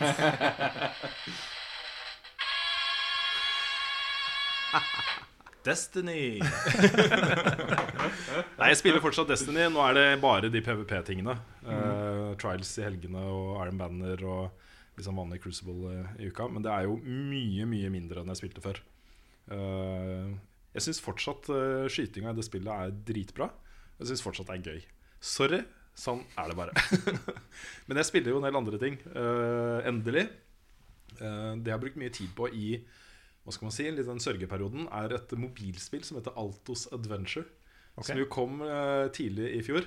Det er et, et slags skispill hvor man kjører ned en bakke. Det ligner litt på Tiny Wings. Det er sikkert derfor jeg liker det så godt. Ja, for det er et sånt spill du har spilt i årevis. Ja da. Det er er veldig bra spill. ja, ikke sant? Jeg satt og spilte den når kona, eh, nei, kona fødte på sykehuset. Ja, nettopp. Og satt jeg og venta og spilte Tiny Wings. og det var etter en Level Up-episode hadde anbefalt det. eller noe sånt Ja, nettopp. Ja, Da kan jeg anbefale Altos Adventures også. Eh, det er- ja, Neste gang du får barn, så er det Altos Adventures. Ja, ja, ja. ja, men Det er kjempebra. Det er bygd opp litt på samme måten. For en av de tingene som jeg likte med Tiny Wings, var at du fikk eh, For hvert level du gikk opp, så fikk du challenges Mm. som du måtte løse. Eh, og det var bra ting, liksom. Morsomme ting du måtte gjøre for å gå opp i level. Og jo høyere opp i level du gikk, jo mer poeng fikk du. Så det var en direkte sammenheng mellom eh, de to tingene. Og her er det akkurat samme. Men du har, det er mye større. Mange flere levels og flere skiløpere med hver sine unike egenskaper. Så noen ganger så må du bytte mellom tre forskjellige løpere for å løse de tre forskjellige oppgavene for å gå opp i level. Så det, det blir en sånn derre behagelig uh, Behagelig greie, liksom. Jeg bare liker det veldig godt. Mm. Og så har jeg spilt uh, selvfølgelig da mye The Witness siden jeg kom. Så det har, eh, de siste ukene så har det vært å veksle mellom mange forskjellige spill, og det har vært veldig deilig. Men ja. Greit, vi, har fått, vi tar ett spørsmål før vi tar en liten pause som vi trenger nå her i studio. Eh, eh, leiligheten din, eh, altså, Karl? Ja, riktig. Det er fra Martin Rotmo. Han skriver masse også om at det er herlig at du er tilbake, og tusen takk for det. Men spørsmålet hans er hva er det viktigste dere har lært fra å jobbe i VG, som dere tar med dere videre som indie, og hva legger dere igjen i VG-huset? Oi. Gode spørsmål. Veldig. Det må jeg tenke litt på, merker jeg. Ja, den mest åpenbare tingen er jo at eh, jeg, jeg, jeg eh, har jo vært i VG lenge, og eh, VG har ganske strenge sånn, presseetiske regler for hvordan man skal gjøre ting.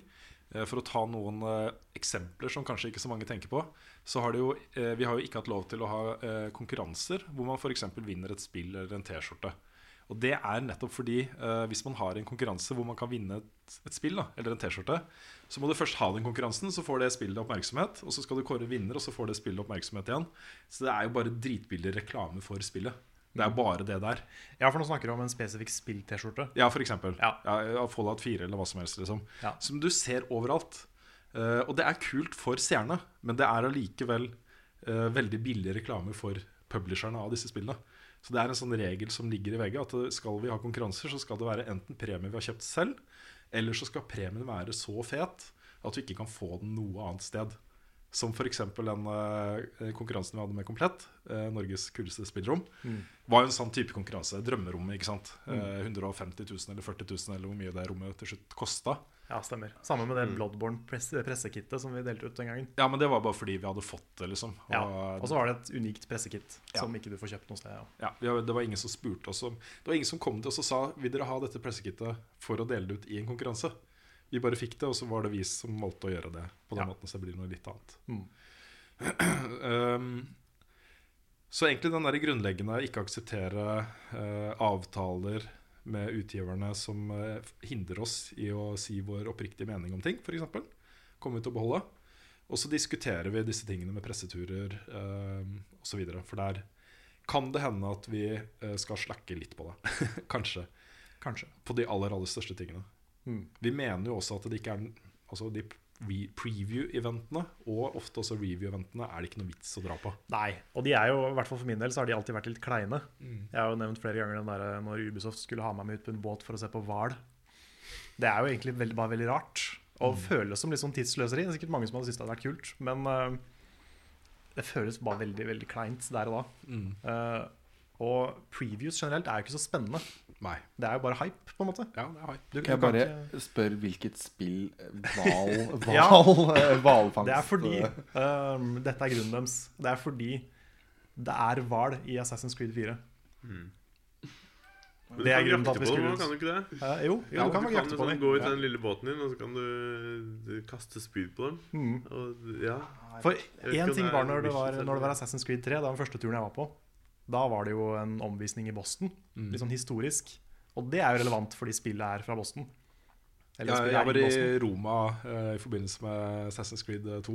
Ja, men når de da i forbindelse med fireren tar oss med på et akvarium og hvaltitting, så er ikke det fullt så relevant. Nei, kanskje ikke. Ja, føl, ja, det føles ikke så verdt det, og så er previews Det er ikke så spennende å drive med. Er altså mitt ankepunkt, største ankepunkt mot de turene, uh, og det er ikke spesifikt retta mot Ubisoft, selv om vi har valgt to uh, Ubisoft-eksempler nå, det er at uh, ofte så kommer man dit, og så er de man skal snakke med. Fordi grunnen til å dra, den redaksjonelle vurderinga for å dra på den type turer, er at du får direkte tilgang til de som har laget spillene. Og det er i utgangspunktet interessant. At du kan snakke med de og stille dem dine egne spørsmål. Men det som ofte skjer, er at de er så godt drilla på hva de får lov til å si, ikke får lov til å si. Og så har de ofte øvd. Så hvis man stiller et spørsmål, eh, så har de sikkert øvd på eh, hva de skal svare hvis de får akkurat det spørsmålet. Og så får de den samme leksa som de gir til alle andre som stiller de det samme spørsmålet. Ikke sant? Mm. Så det, det blir på en måte eh, Hvis man opplever det sånn, så blir det bare PR-maskineri. ikke sant? Man får ikke noe ekte ut av dem. Nei. Og det er, da er det ikke så gøy å være journalist, egentlig. Nei. Det er så tydelig også på Mm. de eh, klippene at de, alt er bare drilla. Ja, ikke sant?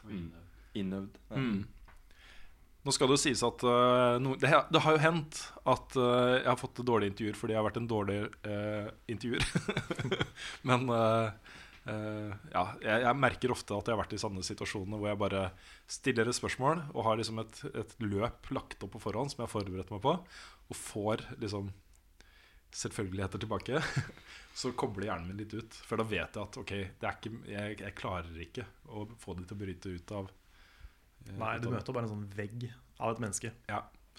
Så, så det er ikke sånn superinteressant, egentlig.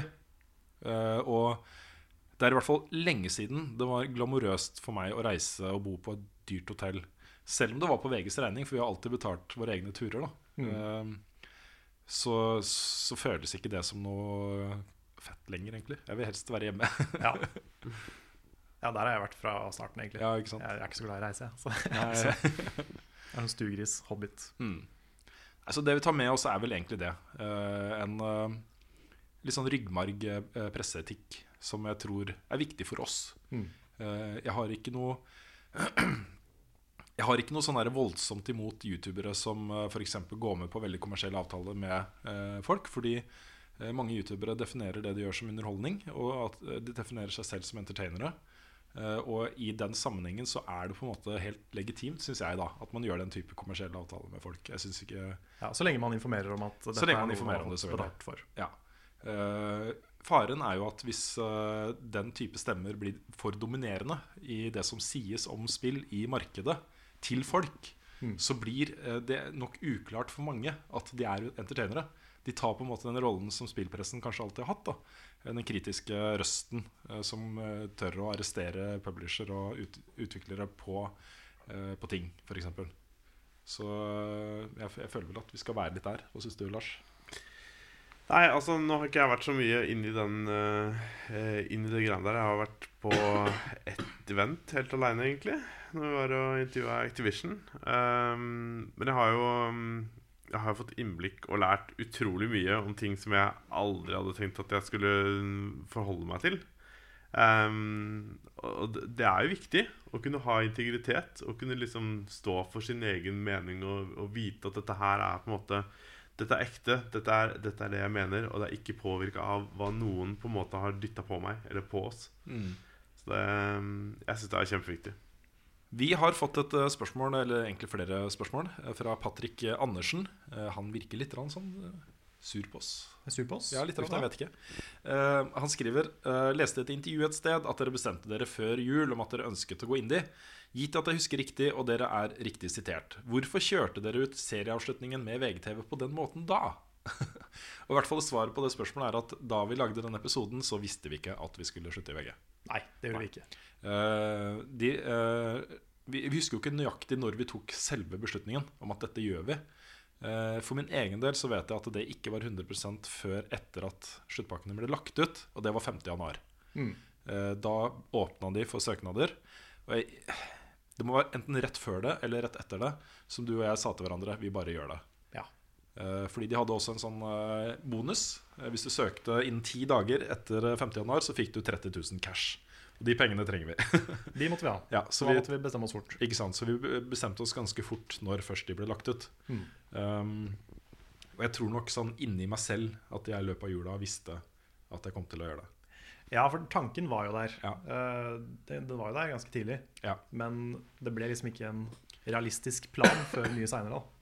Når vi skjønte at liksom Shit, her har vi et publikum som, Mm. som bryr seg, og vi har uh, muligheten kanskje til å gå indie og, og satse. Og, det vi i hvert fall ikke visste, var at vi fikk med oss eh, merkevaren. Det, Nei, det- var jo- det trodde vi ikke kom til å skje. Nei, det trodde vi ikke kom til å skje i det hele tatt. Så vi trodde jo hvis vi skulle slutte, så måtte vi også bygge opp noe helt nytt. Fra scratch. Mm. Det Så- vurderte vi faktisk helt til siste nesten øyeblikk. Ja, ikke sant. Så eh, ja. Så det var eh, Vi har ikke prøvd å lure noen. Nei da, det har vi ikke gjort. Patrick, det lover jeg. Ja, De andre spørsmålene tror jeg kanskje ikke det er noe vits i å svare på. Men vi har fått et spørsmål som er eh, mest til eh, deg, Carl. Okay. Det er fra eh, Magnus Tangen. Kanskje mest til Carl. Når du lager Let's Play, hvilke program bruker du? Legger du på kommentarer etterpå? Samme metodikk på anmeldelser? Fabler litt om å begynne med det på rent hobbynivå, så hører litt her og der for tips. Ja. ja, altså Jeg er veldig fan av Det fins jo de som lager Let's Plays med eh, kommentering etterpå. Altså Etter at de har spilt, så spiller de inn et eget kommentatorspor. Eh, jeg er mye mer fan av den som er eh, mens man spiller. Mm. For da får man liksom de reaksjonene mens de skjer. Det er litt mer sånn der og da, da. Så eh, jeg bruker den metoden. Mm. Og bruker vel mest OBS nå. Brukte Fraps før, men det blir så insane svære filer av det. Så jeg bruker OBS. Det er gratis. Og bare laste ned. Jeg kjører et, en headset-mikrofon som heter Sennheiser PC363D, eller noe sånt. Ok Et eller annet sånt, i hvert fall. Jeg tror det er rundt der. Mm. Uh, som jeg er veldig happy med. Og egentlig bare smekker det inn i Premiere etterpå. og Legger på sånn title-ting. Og legger det ut på YouTube. Mm. Det er så enkelt, egentlig. Mitt inntrykk eh, når det gjelder Let's Place, er at det aller aller vanskeligste, den største baugen folk må over, det er å kunne snakke naturlig inn i en mikrofon mens man spiller. Ja. Eh, Å komme over den og få det til å virke som en naturlig ting å gjøre. Det tar litt tid. Ja, det tar litt tid, også. Så Mm. der eh, vil jeg egentlig bare anbefale folk å gjøre det. Ja, bare gjør det, gjør det masse, så Ja. skjer det automatisk. Og kanskje bare for deg selv til du føler deg komfortabel med å legge ut ting også. Det var derfor jeg begynte med Let's Plays til å begynne med, fordi jeg, jeg følte jeg var så dårlig på alt som ikke var manusbasert. Da. Så det var for å trene meg opp til å liksom snakke inn i mikrofonen mikrofon og Mm. bare prate rett fra levra. Ja. Uten å liksom måtte tenke og skrive ting på forhånd. Mm. Så det, er, eh, det var litt for å lære meg det. Skal vi se. Eh, Kurt Curtis uh, har et spørsmål. Hallo, det har vært en del betaspill-tester i det siste, der noen har vært åpne for alle, mens noen trenger en nedlastingsnøkkel. Hadde vært fint om dere hadde opplyst om disse, eller enda bedre testet dem og skrevet deres inntrykk. Eh, Sist ute var vel Homefront sist helg. Eh, Kan du svare for meg selv først? Jeg er ikke noen sånn superstor tilhenger av betatester, særlig ikke de lukka. Fordi det er en forventning der fra utviklerne og utgiverne om at folk skal komme med tilbakemeldinger. Og så skal det liksom forbedre de tingene som vi får mange negative tilbakemeldinger om. Jeg har ikke så lyst, jeg, som uh, spillanmelder og kritiker og journalist, til å være med på den prosessen. Uh, være en del av den. Jeg vet at det er mulig å spille de betatestene og så bare holde kjeft.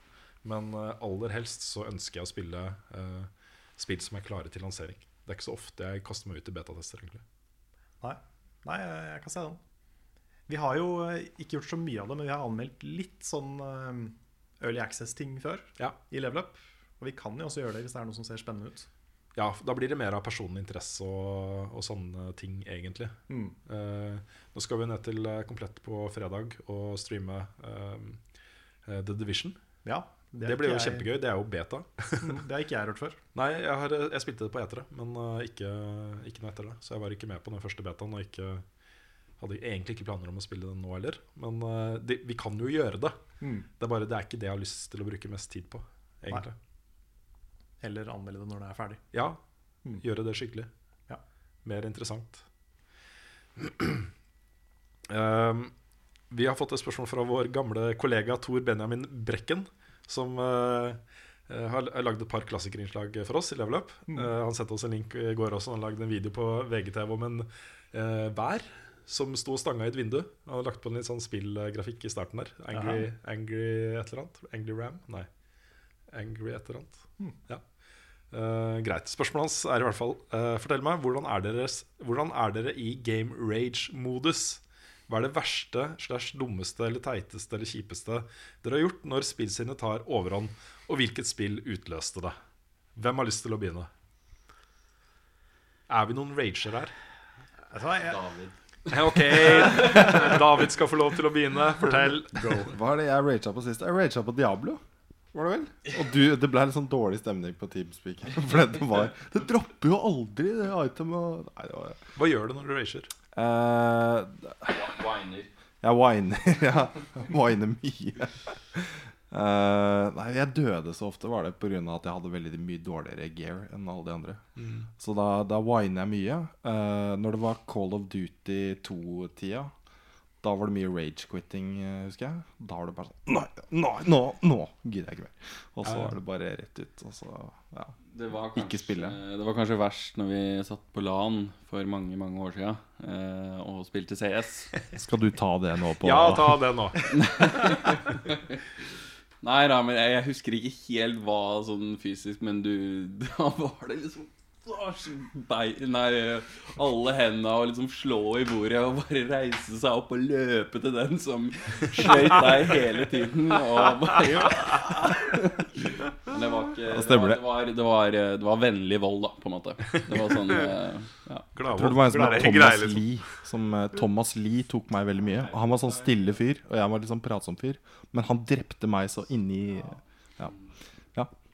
Det er, det er når de stille, eh, ettertenksomme folkene går til krig man skal være bekymra. Du skal ikke fucke med de. Nei. ok, folkens. Ja, altså Jeg er verdens kjedeligste rage-gamer, for jeg har liksom ikke den der rage-greia. Ja, Det er sånn mer filleren. Ja, jeg, jeg, jeg, er Det var sånn, dumt. jeg er mer sånn som mamma. At jeg sier Det kommer kanskje sånn Nei!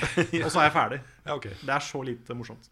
Ja, det var faktisk så lite morsomt. Ja. Mm. Du fremstår heller egentlig ikke som noen sånn rage-quitter, eh, Lars. Nei, eh, en rage-quitter kan jeg være. Mm. Eh, Det har jeg vært definitivt i of Duty-perioden. Men jeg sender aldri stygge meldinger eller skriker til folk. Jeg kan skrike ord ut når jeg sitter aleine eller med folk jeg kjenner. Så kan jeg si ting som kanskje ikke passer seg. Men jeg går aldri til angrep på noen, liksom. Og jeg går heller aldri til angrep på tingene mine og ødelegger de. Mm. For det er sånn tenker det, Da blir jeg sånn herre Det kan hende at jeg liksom tar kontrollen og bare liksom er i ferd, men så er det sånn derre Jeg vet at hvis jeg ødelegger den her, så må jeg kjøpe en ny en. det Det koster penger. Og det er sånn Har jeg råd til, eller til, Er det verdt det å knuse den? Ja, det er det liksom ikke raging. Når, det er så, når du tenker så nøye gjennom ting, så er det ikke raging. Nei. Nei, men det er liksom sånn det er, det er det som stopper meg, da, Mm. som regel. Så jeg har aldri noen sånne utbrudd som er helt eh, fri for uh, uh, Ja, altså, hva heter det? Hva heter det når man liksom Slipper alle hemningene løs. Ja, altså, ja. ja. Jeg har aldri noen sånne. Så okay. mm. Jeg kan bli ganske sint når jeg spiller. Um, og det er Det har jeg merka. Ja, det er gjerne, gjerne i to uh, situasjoner. ene er uh, når jeg står fast på den samme, uh, samme bossen i et spill lenge og ikke kommer videre. Der er det mange eksempler, f.eks. i eh, Prince of Persia 3, tror jeg det var, Warrior Within, hvor det var en boss der som jeg bare sto fast på, sto fast på, sto fast på. Og så var det et annet eksempel hvor jeg, da satt jeg og filma meg selv fordi jeg skulle lage et uh, klassikerinnslag om Tomb Raider, første Tomb Raider. Og på slutten der så er det så i de helvetes utilgivelig. Du dør hele tiden. Og så er det nå, da som man er blitt vant til ny grafikk, så er det ikke alltid man ser akkurat hvor man skal hoppe. Så det ble en del sånn grafikkhinder i veien. eh, man, eh, hvor man ikke nødvendigvis så med en gang instinktivt om man skal hoppe dit. Og jeg døde og døde og døde. Og døde Og da ser du liksom på videoen at da sitter jeg og prater litt, og så i et klipp da så sitter jeg bare sånn og slår mikrofonen i i sofaen. det. Bare banner og skriker. Og så spiller jeg videre, og så er jeg bare vanlig igjen. Og så Så det er sånn burst, liksom? Det er burst, og så er jeg ferdig. Ja, ok. Eh, det andre, de andre tilfellene hvor jeg kan rage litt, er når vi spiller multiplayer. Og eh, da blir jeg litt uh, Det er litt morsomt, særlig da jeg sitter alene og spiller. og noen har drept meg. Sånn, I de fleste skytespill så vil du da på en måte følge de som har drept deg, på skjermen. Ja. Og da kan jeg sitte liksom med, eh, med langfingeren mot skjermen. Følge de rundt på skjermen sånn mens jeg skriker litt uh, banner og sånn. Og så, og så innser jeg plutselig hva jeg gjør, og så ser jeg meg rundt. Er det noen som ser inn i vinduet her akkurat nå? Nei, det var ikke det. Bra. Da går vi videre. ja, jeg husker når vi eh, Det var faktisk Var ikke det på komplett? Når vi var der første gangen og spilte, og spilte Destiny sammen. Så du ble litt sånn der Du ble litt han sinna generalen. Ok Det var kjempemorsomt. Fordi det var, det var en gang som jeg sleit litt med den ene delen i det raidet vi tok. da Og så, så roper jeg liksom Shit, jeg er tom for ammo. Så kommer det fra Rune. Man blir ikke tom for ammo!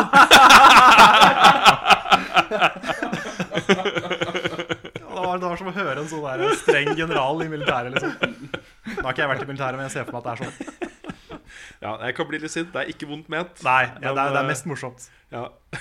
Bare, Det er et uh, nytt spill som kommer ut nå fra noen uh, De her er Freddy Wong, uh, oh, ja, ja. kompisen hans som heter Brandon.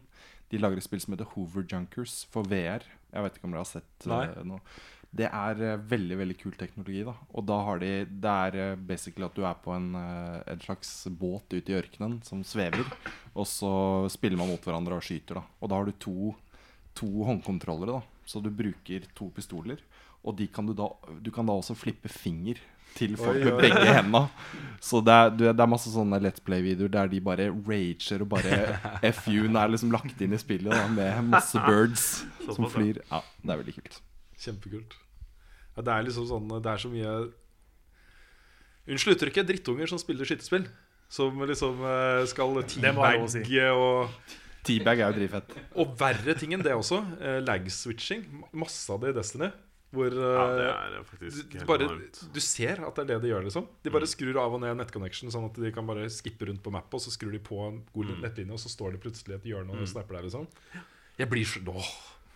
Vi må snakke om noe annet. altså, det, det er ikke bra. Nei, det er ikke det. Uh, Wilhelm uh, Wilhelm uh, Jul, Gyll Jules Jules Jules Drivflott. Jeg vet ikke hvordan man uttaler det på norsk. Nei, ikke spør meg. Wilhelm Drivflott uh, spør uh, hva, er, hva var avtalen med VG siden dere fikk beholde merkenavnet, som jeg regner med VG i utgangspunktet hadde rettet dere til? um, og det andre spørsmålet hans er uh, kanskje enda viktigere. Og Hitbox istedenfor Twitch. Hvorfor? Det er mange som har spurt oss uh, om det.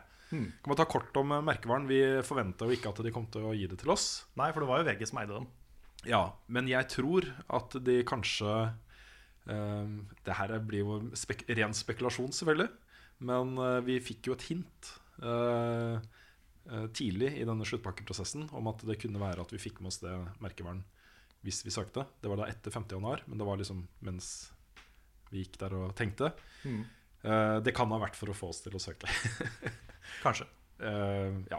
For vi, vi hadde blitt en litt sånn odd man out i det nye systemet. Med en veldig spesifikk kompetanse som de har gitt beskjed om at de ikke trenger lenger. Eh, så det var nok ikke dumt for de at vi søkte om sluttpakke, tror jeg. Det, de løste, det løste et problem for dem. Mm. Så kanskje derfor. Ja, for det var jo en spesiell situasjon når jobbene våre faktisk forsvant, så vi måtte bli plassert et annet sted. Ja. Som vi ikke hadde vært før. Det stemmer. Vi hadde hatt kompetanse til å løse de jobbene også. Det hadde gått fint, men eh, ja. Eh, det, er, det er ikke sikkert det stemmer også.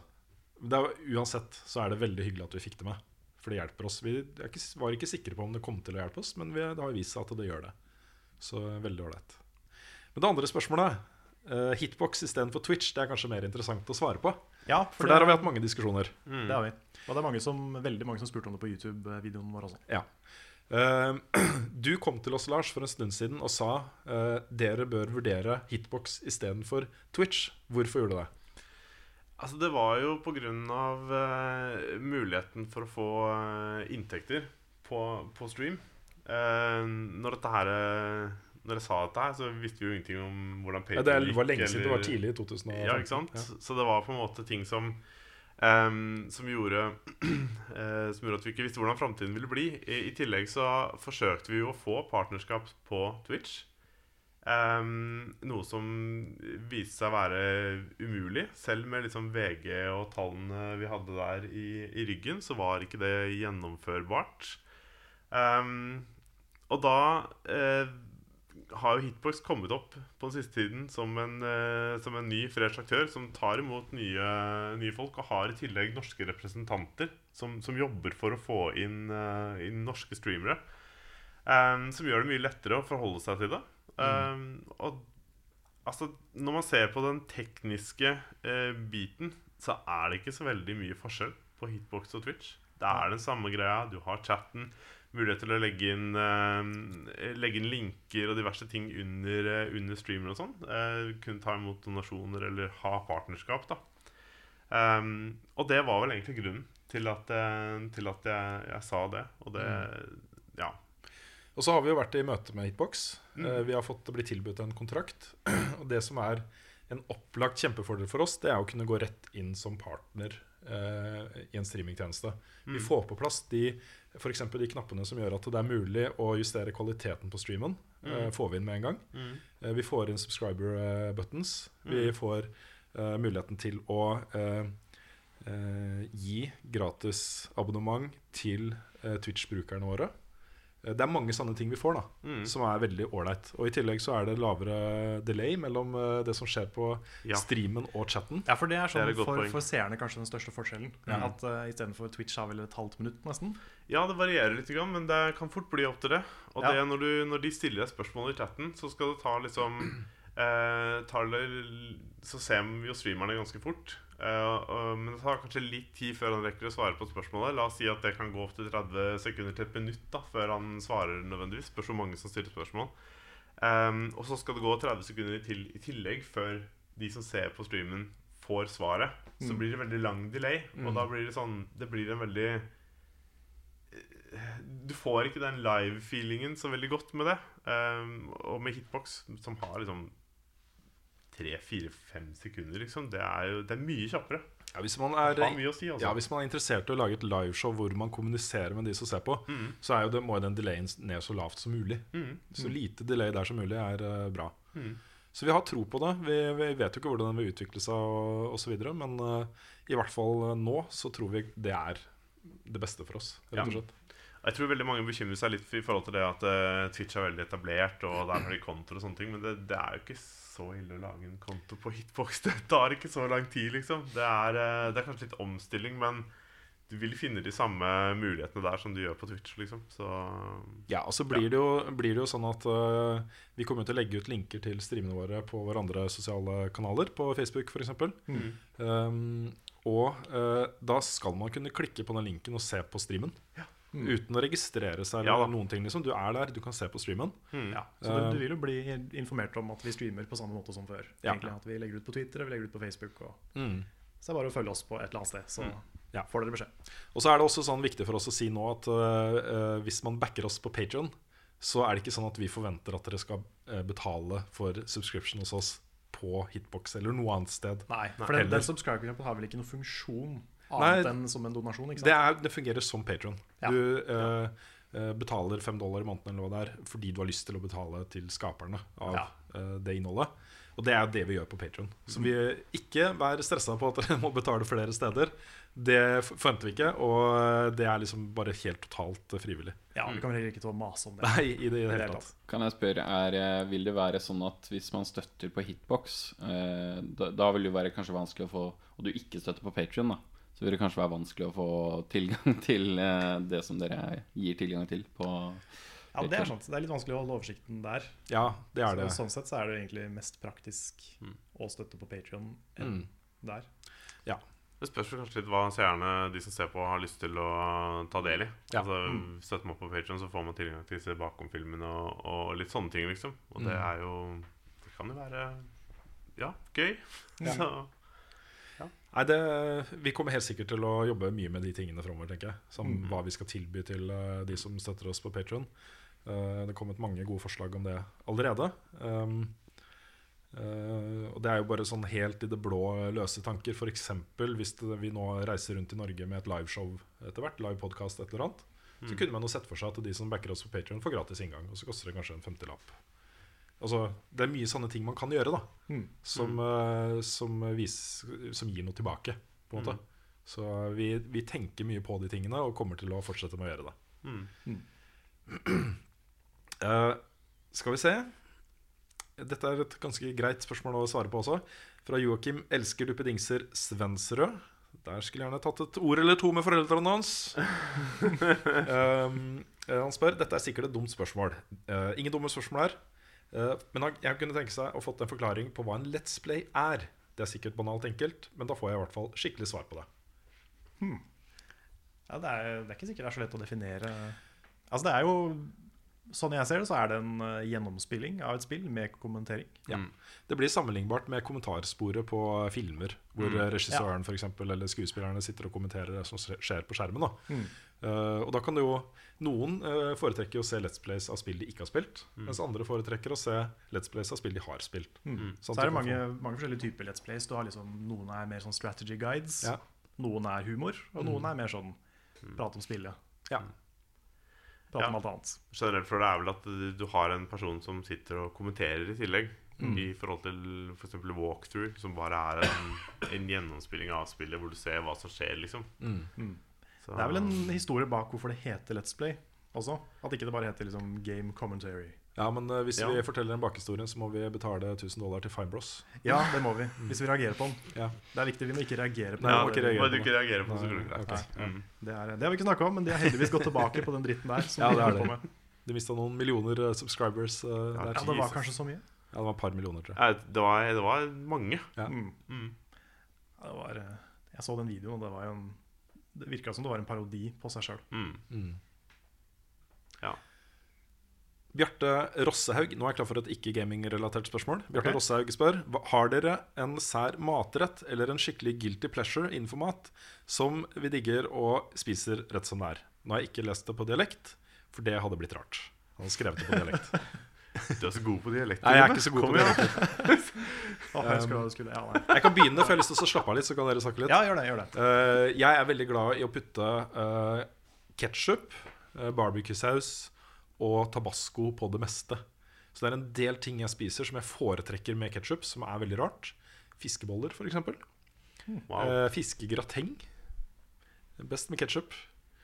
Um, Du putter ikke på alle tingene? Det er sånn Du varierer mellom de? Eller sånn? Nei, jo, nei, jeg putter ikke på alle tingene også, men, uh, men uh, det er en del sånne matretter som normalt sett ikke burde hatt Ja, ja. ketsjup, som jeg syns er bedre med ketsjup. Ja. Jeg, har jo, uh, jeg hadde jo en T-skjorte, jeg har nevnt dette i podkast før, men jeg fant en T-skjorte en gang i- på uh, Melrose Avenue i Los Angeles som er forma som Heinz-logoen, hvor det står 'I put ketchup on my ketchup'. Og den var veldig treffende. Det er litt riktig. Jeg er veldig glad i ketsjup. Sånn, Ja. da I drop the mic. Ja. Jeg kan ta min, da. Ja, ta din. Det er uh, Min guilty pleasure er å lage nachos. Steike kjøttdeig og lage Det er litt sånn som vi lagde taco på når vi var på hytta. Men presser du Eh, maisen og sånt, eller hva er det du Mais? Jeg bruker ikke mais. I nachos? Hæ? Nei. Er det ikke- Lager du maisen fra bånn? Liksom? Nei, jeg, du mener liksom den der nachosen, liksom? Den eh, Nei, det gjør jeg ikke. Chipsene, da? Jeg- Det er vel lagd av mais? Ja, det er det. Men jeg lager ikke den. Ok, greit. uh, den kjøper jeg.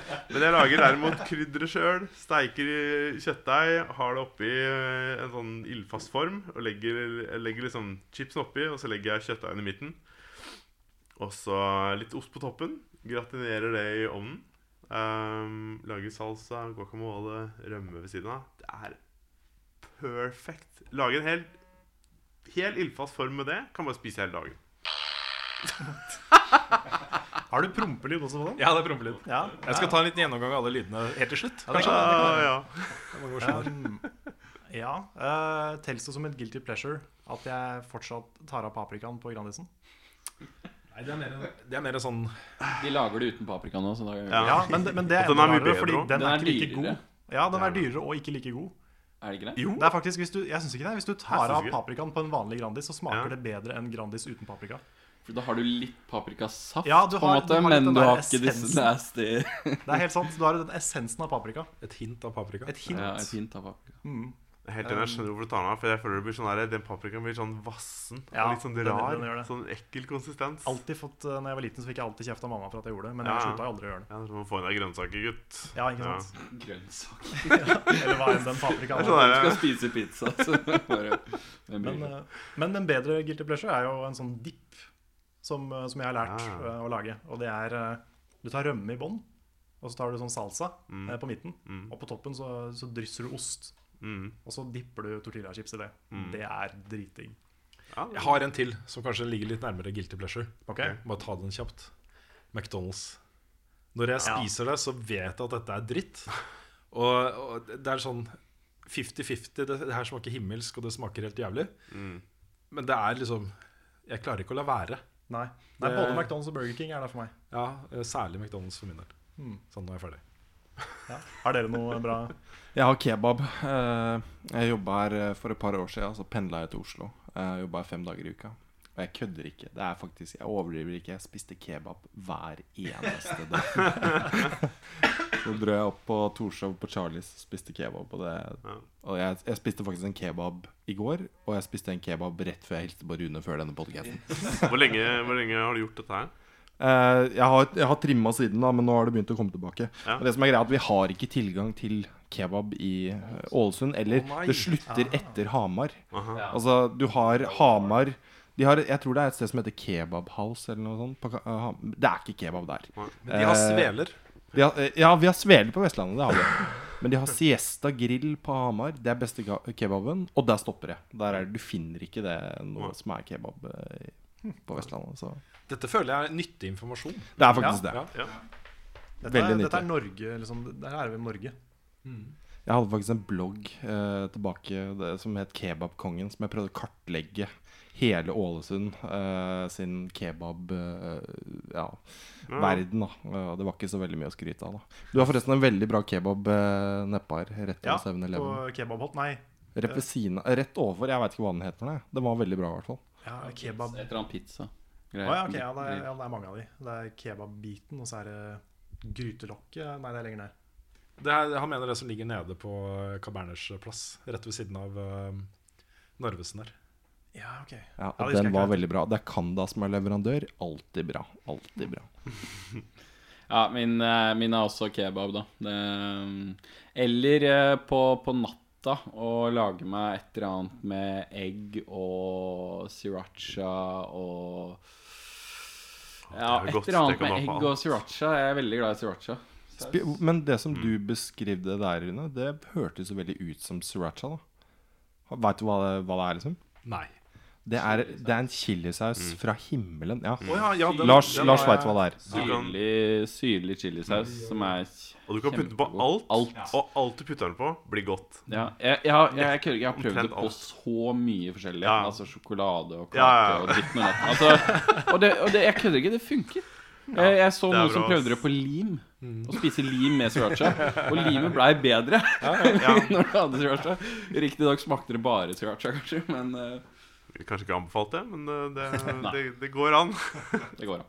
Jeg hadde en uh, forferdelig opplevelse på et av de beste, uh, en av de beste kjøttrestaurantene i Los Angeles. Den heter Frank and Johnny's eller et eller annet sånt. Ligger oppe i Hollywood.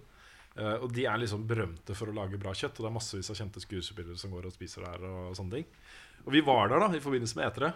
Og jeg ba jo om, eh, om eh, spurte om han hadde noe barbecue-saus eller noe A1 eller noe sånt. Først så bare så han rart på meg. Og så gikk det litt tid, og så kommer han bare og deiser en A1-flaske som ikke har blitt brukt på mange år. Det er sånn crusta. uh, helt sinnssykt. Bare deiser den på bakken og bare går. Det var den største fornærmelsen man kunne komme med, tror jeg. Å be om steaksauce til det flotte kjøttet vårt. Sånn er jeg. Men jeg var, jeg var innom en sånn eh, ramme, bilderammebutikk en gang og, sp- og lurte på om de hadde noen ferdige rammer. Det også var det verste jeg kunne bedt om. Det er, det er superinsulting, tydeligvis. Ja, ok. Ja, da får du ikke brukt faget sitt. Så det er visst noe kutyme der jeg ikke var helt uh, klar over. Er det- For det er opptil flere generasjoner av uh, rammemakere. Ja, For de skal lage det etter det du kommer med, ikke sant? Ja. Og det er dyrt. Ja. Det koster så mye penger. Jeg fant ut at jeg, jeg visste jo ingenting om det. Nei. I det hele tatt. Nei, du betaler ofte mer for uh, innramminga enn det du har betalt for kunstverket som skal rammes inn. Ja. Jeg skulle jo bare egentlig på Claes Olsson, jeg. Ja, det er det du burde gjort, da. Eller Ikea. Ja. Mm. Sykt nice eh, digresjon. det der. Ja. Smooth digresjon. Eh, vi tar et spørsmål fra Håkon Brostigen til eh, brødrene Pollen Stavik. Da dere starta gruppa La Level Up Levele, fikk den raskt mange medlemmer. Hvor fort etter nedleggelsen fikk dere ideen om å starte gruppa, og hva synes dere om engasjementet folket har vist? Personlig er jeg rørt og stolt av alle sammen, og dere to fortjener en real klapp på skuldra. Tusen takk, begge to. Ja.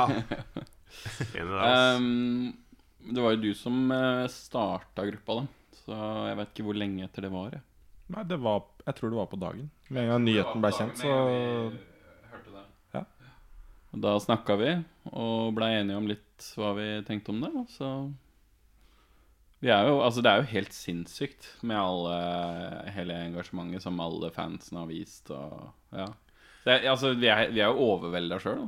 Vi hadde jo aldri trodd at vi skulle sitte her også som et resultat. Det er veldig kult. Det er veldig sånn bonus, da. Men det, det er jo Nei, det er helt sinnssykt, altså. Å bli rørt av videoer som folk lager, og eh, ja.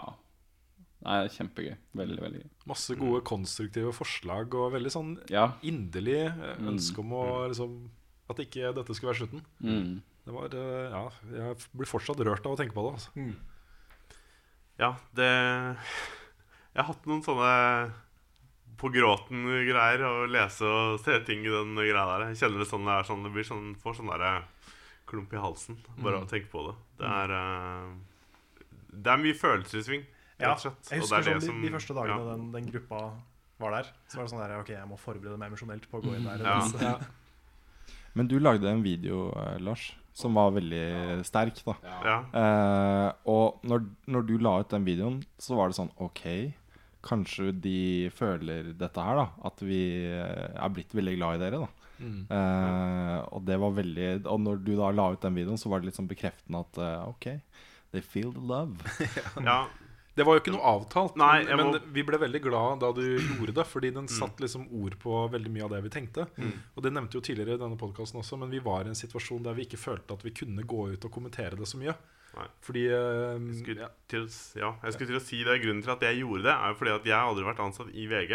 Jeg har vært der på frilansbasis. Og jeg følte på en måte at jeg var en stor del av liksom level up, men allikevel så var jeg ikke ansatt. Jeg kunne allikevel bruke min stemme til å si min mening på min YouTube. Mm. Uh, uten at det på en måte hadde noen Det var ingen som la føringer på det, liksom. Og jeg trengte å si det jeg ville si. Og det Ja. Du er en følsom gutt, Lars. Og det Ja. er uh... Ikke, for, ikke, liker ikke å snakke om det. det er sånn, da, jeg begynner å grine altfor lett. Jeg tror det var, jeg tror det var mange som blei følsomme, da. Ja da, jeg kjente det til øyekroken sjøl. Ja, ja, ja. Det tåra lett der, altså. Mm. Ja. Uten tvil. Ekte menn. Ja, nei, men vi er, ja, ja, ja. Ekte menn, ekte følelser. Nei, vi er evig takknemlige, og det er, eh, det er så kult. Og det er liksom Det er jo bare en forlengelse av måten vi har sett på folk som ser på programmet vårt eh, hele veien. ikke sant? Mm. At vi er sammen om det og har en dialog om det og kan liksom diskutere ting. Og, uh, det er på en måte bare en svær kompisgjeng som er opptatt av de samme tingene. Og når man liksom går sammen for å skaffe oss masse penger.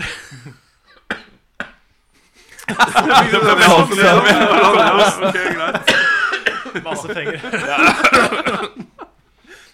Og jeg har lyst til å lage en sånn video når, eh, eh, når vi plutselig får inn masse penger, for det kommer jo snart. eh, noe av det. Vi får, ikke liksom, vi får sluttpakken utbetalt månedsvis i noen måneder. Mm. Og så kommer det en slant penger til slutten for meg. da Uh, Så det er ikke sånn at vi får masse penger inn, men uh, på et tidspunkt så kommer det inn en del penger. Og da har lyst til å ta ut sånn 10 000 kroner i tusenlapper eller noe sånt.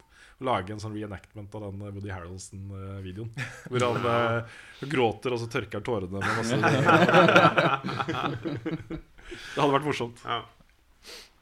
Eh, Et eh, veldig, veldig ukens aller beste spørsmål eh, kommer fra Torgeir Skogen. Okay. Kommer dere noen gang til å forberede svar på spørsmålene før innspilling? Oi. Vi sitter jo ofte der og tar uh, Sier jo at vi tar spørsmålene ut fra rumpa. Det er jo litt sånn det føles noen ganger. Mm. Ja. Hvor vi ikke gjør uh, bra research og Det har jo hendt at jeg har lest spørsmåla litt på forhånd. Ja. Og så har jeg tenkt sånn Ja, det her kan jeg kanskje svare på det. Mhm. Og så har jeg glemt det innen vi kommer dit. Ja da.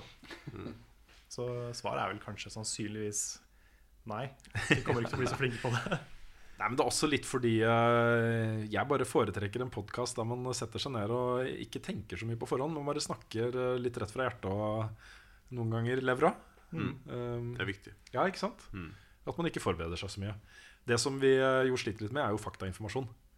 Eh, og blant annet, Ja. Det er noen som har spurt om det også, men sånn som den anmeldelsen din av Unravel, så sier jeg at jeg var, på, var i Tokyo for å se på eh, Revolution i 1996. Ja, ja, ja, det var den som kommenterte. Så Ja. jeg tenkte ikke på det før han kommenterte. Nei, nei. 2005 er året. Ja. Så eh, det var bare en eh, liten brain fart. Mm.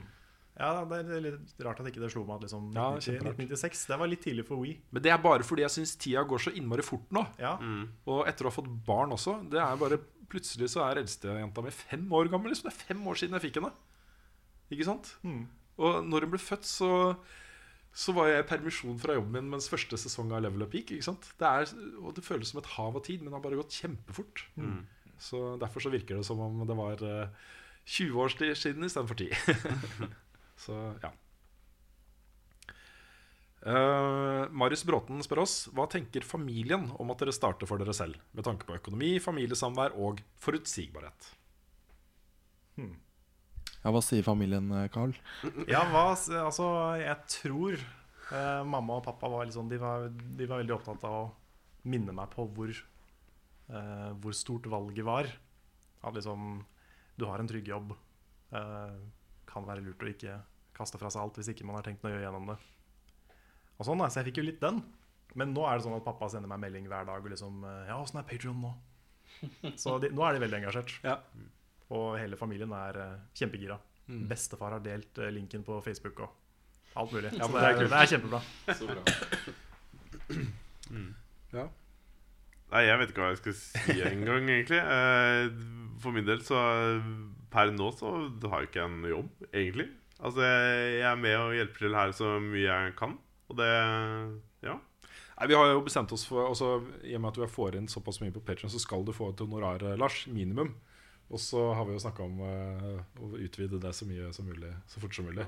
Så det, det kommer. Ja, Men eh, hvordan er det jo. Det er ikke den viktigste prioriteten for meg heller. Det er liksom, det her er, eh, jeg sa det i den videoen også, og det er på en måte Det er betydningen av det her er mye større for meg enn hva man liksom Hva man sitter igjen i kroner og øre med en gang. Mm. Det er ikke liksom bare at det, dette vil jeg være med på bare fordi at det, det er kult og jeg kan tjene penger. Mm. Altså, det er liksom Ja. Ja, men det er, det er jo bra. Situasjonen er jo sånn at uh, i, eh, i Level Up-familien så er det jo sånn at Carl og jeg er de eneste som har mista en stabil, god inntekt. Mm. Uh, og det- jeg skal ikke legge skjul på at min inntekt har vært innmari god, for jeg har jobba i VG snart 19 år.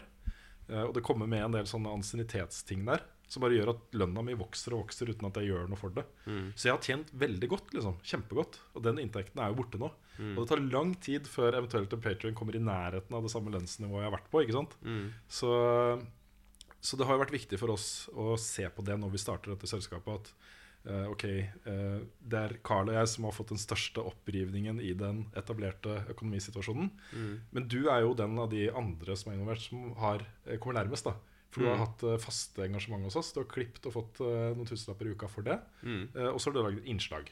Mm. Og vært med på turer som du har fått godt betalt for. Eller i hvert fall OK betalt. Kanskje ikke så bra timebetalt når man tar alt i betraktning. Men det har blitt penger, da. Ja. Så det er jo viktig for oss at det blir erstatta. Når du Ja. fortsatt gjør mye for oss. Det er en sum som en definitivt uh, merker. Ja. Jeg skal ikke legge skjul på det, men uh, ja. Så ja. Jeg vet ikke hva jeg skal si. Det er liksom eh, Ja. Vi, vi får se hvordan det går. Ja. Det blir uh, Ja. Nei, jeg har hatt mange og lange samtaler med kona om disse tingene her. Um, hun har aldri vært mot det. Uh, hun har uh, mer vært den stemmen som, som forteller meg om utfordringene og, og sånne ting. Så jeg har alltid følt at hun har backa meg uansett hva jeg lander på. Og jeg, hun var jo sa til meg før jeg sa den tanken selv. Fordi det var en frykt for meg at ok, jeg blir i VG, og så går det litt tid, og så liker jeg ikke å jobbe der. Mm. Jeg har fått arbeidsoppgaver som jeg ikke har lyst til å ha. Jeg føler ikke at, uh, at jeg får utnytta mitt eget potensial og benytta den spesialkompetansen jeg tross alt har oppbygget, oppbygget da, gjennom mange mange år som spilljournalist. Uh, I en tid hvor spillmediet er mye mer interessant enn noen gang. Ikke sant? Uh, så det var hun som lufta det for første gang. Ikke bli i VG hvis du kommer til å bli ulykkelig av det. Eh, og så har vi snakka litt om hvordan vi løser det med økonomien og sånne ting. Og for hennes del så tror jeg kanskje det viktigste er at vi uh, i den perioden hvor vi har sluttpakke Og for min del så er det ut oktober-november ca. at vi i løpet av den perioden får på plass noe som sikrer økonomien i 2017. ikke sant? Mm. Så, så det er på en måte det vi kommer til å jobbe for. Vi kommer ikke til å bruke alle pengene som kommer inn i år. Mm. Vi kommer til å ha det stående på bok. Vi kommer til å sørge for at, at vi har trygghet også inn i 2017. Og for din del, Carl, så kommer den litt før. Ja, for jeg har jo ikke um, Jeg har jo ett år som fast ansatt, der du har 19. Så jeg har ikke fullt så uh, heavy sluttpakke som det du har. Men uh, det er litt sånn jeg, Vi tenker jo begge to nå på at vi må bruke mindre penger. Være litt mer uh, forsiktige økonomiske. Mm. Og jeg har jo fire år på Anker studentbolig bak meg. Hvor jeg levde på studentbudsjett og ikke så mye mer. Så jeg har jo gjort det før. Ja. Jeg har jo levd billig før, så jeg tror jeg skal klare det. altså Mm. Ja, jeg tror også jeg skal klare det. Det krever ganske stor omstilling for min del. Uh, mindre lunsj ute er kanskje den største Ja, for det, det er at jeg bruker litt for mye penger på ferdigmat. Jeg er ikke så glad i å lage mat, så Mm. det, det må jeg bli flinkere på. Men det er i hvert fall eh, deilig at vi har sluttpakken. At eh, Mm. den ligger der og løper nå en stund. Vi føler at vi har roen vi trenger til å gjøre de riktige tingene. Og det er viktig. Mm. Så Det er fort gjort å bli livredd og handlingslamma i en sånn situasjon hvis man ikke har noe trygghet der. ja. Så det, det har vi klart å unngå. Jeg holder på å krepere nå. Jeg er så eh, tett, så vi må avslutte. ja, du er ordentlig sjuk, nå. Ja, jeg er ordentlig sjuk. Eh, men vi har ett spørsmål til som jeg tenkte var en fin avslutning på den første episoden av Level Backup. Jeg, liker, jeg elsker det navnet da du kom med det, Karl. Fordi vi er backup, liksom. Ja. det er Bare si at det sa det, men det er greit. Og det er en backup. Var det du som sa det, Lars? Det var meg. Var det deg? Oh yes! Var det det? Oh yes! Ah, ja. ja, men eh, Ja, OK. Sorry. Vi var inne på greiene, og så Ja. sier jeg liksom ja, level Jeg tror jeg foreslo noe annet, Ja. og du sa level Ja, sånn var det. ok Ja, Yes. Det ble en sånn smørrede. Ja. Men Det er helt greit, Beklager, Lars. det er null problem. Beklager. Nei, du får du. Men jeg elsker det navnet. Jeg elsker det fordi det er eh, Det er veldig vanlig samtidig som det er veldig tøysete. Ja. Fordi det er, vi er backup. Hva betyr det, liksom? Og så, Ja. Er det en backup av noe som ble borte. ja. Og så er det en uh, Vi beholder liksom level up i det. Mm. Så eh, vi var inne på liksom å kalle det noe helt annet. Um, Respawn var vi inne på lenge. ja. Som, eh, som hadde vært et fint navn, liksom. Men det er så mye som heter det. Mm. Eller ja, potensielt da, mye som heter det. Det samme gjelder jo level up. Så jo mer vi kan finne på, mer level up. Sånn level up Norge er det nok ikke så mye som heter, f.eks. Nei, det er sant. Vi var også inne på å kalle um, det nye månedsmagasinet for Level Catch-up. Ja, det kan hende at vi gjør. Kanskje. Kanskje. Så ja. Mye potensial her. Og kanskje hvis vi lager noen sånne sketsjer innimellom, så kan det hete Level Ketchup. Eller Level Fuck Up. Ja, for eksempel. Bakom filmen. Blubbers. Ja. Nei, det, ligger, eh, det, er, eh, det er et eh, fint navn. Jeg liker det. Mm. Men det siste spørsmålet er fra Ole Kristian Rudstaden. Og spør spørsmålet hans er Er dere lykkelige nå? Jeg trenger ikke å tenke mye på det, altså. Nei. Jeg er, altså, akkurat nå er jeg fortsatt i den der eh, holy shit, dette Ja. skjer. Gledesrusen. Mm. Så nå er det veldig bra. Ja. Ja, jeg er definitivt uh, lykkelig nå. Det føles som det riktige valget. Og egentlig det øyeblikket hvor, eh, hvor jeg skjønte at det var det riktige valget, var da vi hadde det møtet med ledelsen hvor vi sa vi søker sluttpakke og har lyst til å snakke med dere eh, om ting og tang.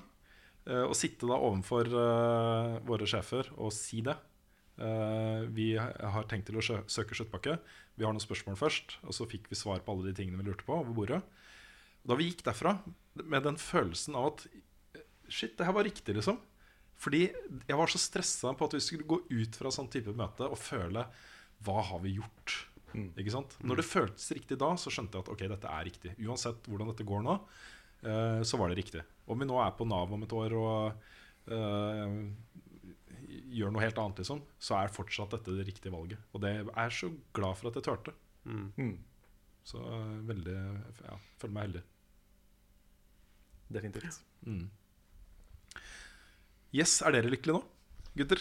Jeg tror fansen er veldig lykkelige. Absolutt. Absolutt. Hvordan syns dere det var å være gjester hos oss? Veldig kult. Vi, er, vi må holde igjen fanboy-greiene, så det er litt vanskelig. Ja, vi prøver å være sånn Det er sånn miks mellom kul og veldig glad og ja, litt sånn. Ja. Jeg syns dere klarte det veldig bra. Ja, veldig bra, veldig bra. Så er kult. Yes, skal vi runde av, Karl? Det kan vi gjøre. Da er det en ny podkast til uka. Det blir, eh, Hvis ikke teknologien svikter noe innmari, så blir det stream i morgen. Mhm. Og eh, komplett da på fredag. Og så skal vi selvfølgelig ta for oss de tingene som kommer. Nå er det Far Cry Primal. Det kommer. Ja, det kommer. Det er uh, Street Fighter 5 Det kommer i dag. i dag. Masse ting vi kan gjøre framover. Så det blir ikke manko på kule ting å ta tak i, Karl. Det er sant. Mm. Greit. Skal vi si ha det bra? Ja. Tusen takk for at dere hørte på vår første nye podkast. Første episode av Level Backup. Så ses vi igjen snart. Yes. Å ja, men det lydene. Jeg glemte lydene. Å ja. Eh, Kanskje jeg kan ta det etter, eh, etter eh, musikken til slutten?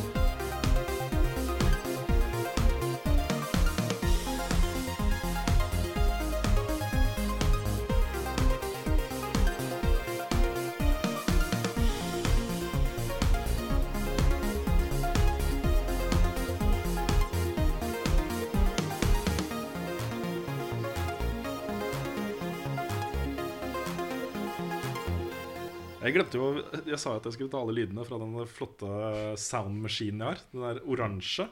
Eller rødlig. Jeg er ikke helt sikker. Herfra ser den rosa ut. Ja, det Jeg synes den var veldig fin. Jeg er veldig rød fra min kant. Altså. Ja, jeg vet ikke. Det er Eh, Litt dårlig belysning her inne. Karl. Det er det veldig. Men jeg kan gå gjennom alle lydene, for det her ligger liksom uendelige muligheter til uh, en ufattelig bra podkast. Ja. Det er liksom så mye den kan heve kvaliteten på det vi gjør. Mm. Utrolig hva du kan få i Donald-bladet. Ja. Vi har klappetingen har vi allerede tatt. Det er latterboks. Mm. Det, det ble litt mer ekkelt på slutten. Der. Ja, ikke sant? Fikk den der onde latteren. Ja, ja. Mm. Oh. ja. Den har sine ja, den er fin. Ja. Mm. Det er hver gang vi har faktafeil. ja. For eksempel. Hvis en vits ikke er morsom. Ja, ikke sant? Ja. Shots fired.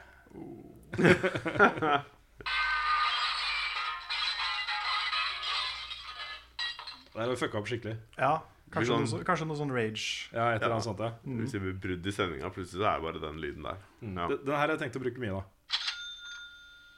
Aha. Patreon.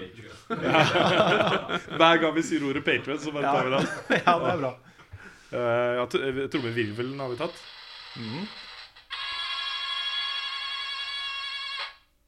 Mhm. -hmm. Den er kanskje verre å plassere. Ja, jeg vet ikke. Kanskje. Ja, er det sånn Bare morsomt. Ja. Liksom. litt sånn Tøysete. plutselig erotisk? Kanskje ja, perfekt. Når noen får en god idé. Ja, eller når det kommer besøk. Ja, kanskje Gjester. det. Gjester, ja. Mm. Eller så er det sånn Hei, folkens, skal jeg dra opp den fine lydmaskinen min? Ja, Jeg vet ikke. Veldig spesifikk bruk. Ja. Mm.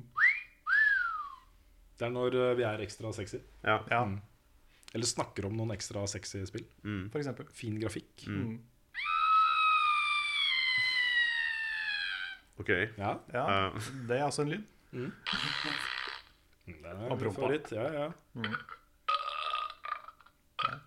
All right. Var det, var det en lyd, eller var det noen som ja, det kan du se. Så bra er den Så realistisk. Ja, så realistisk er det. Ja. Ja, det, var, det var da eh, min eh, flotte soundmaskin. ja. Det er humor. Ja, det er humor. Har du et enkeltpersonforetak eller en liten bedrift? Da er du sikkert lei av å høre meg snakke om hvor enkelt det er med kvitteringer og bilag i fiken, så vi eh, gir oss her, vi. Fordi vi liker enkelt. Fiken superenkelt regnskap.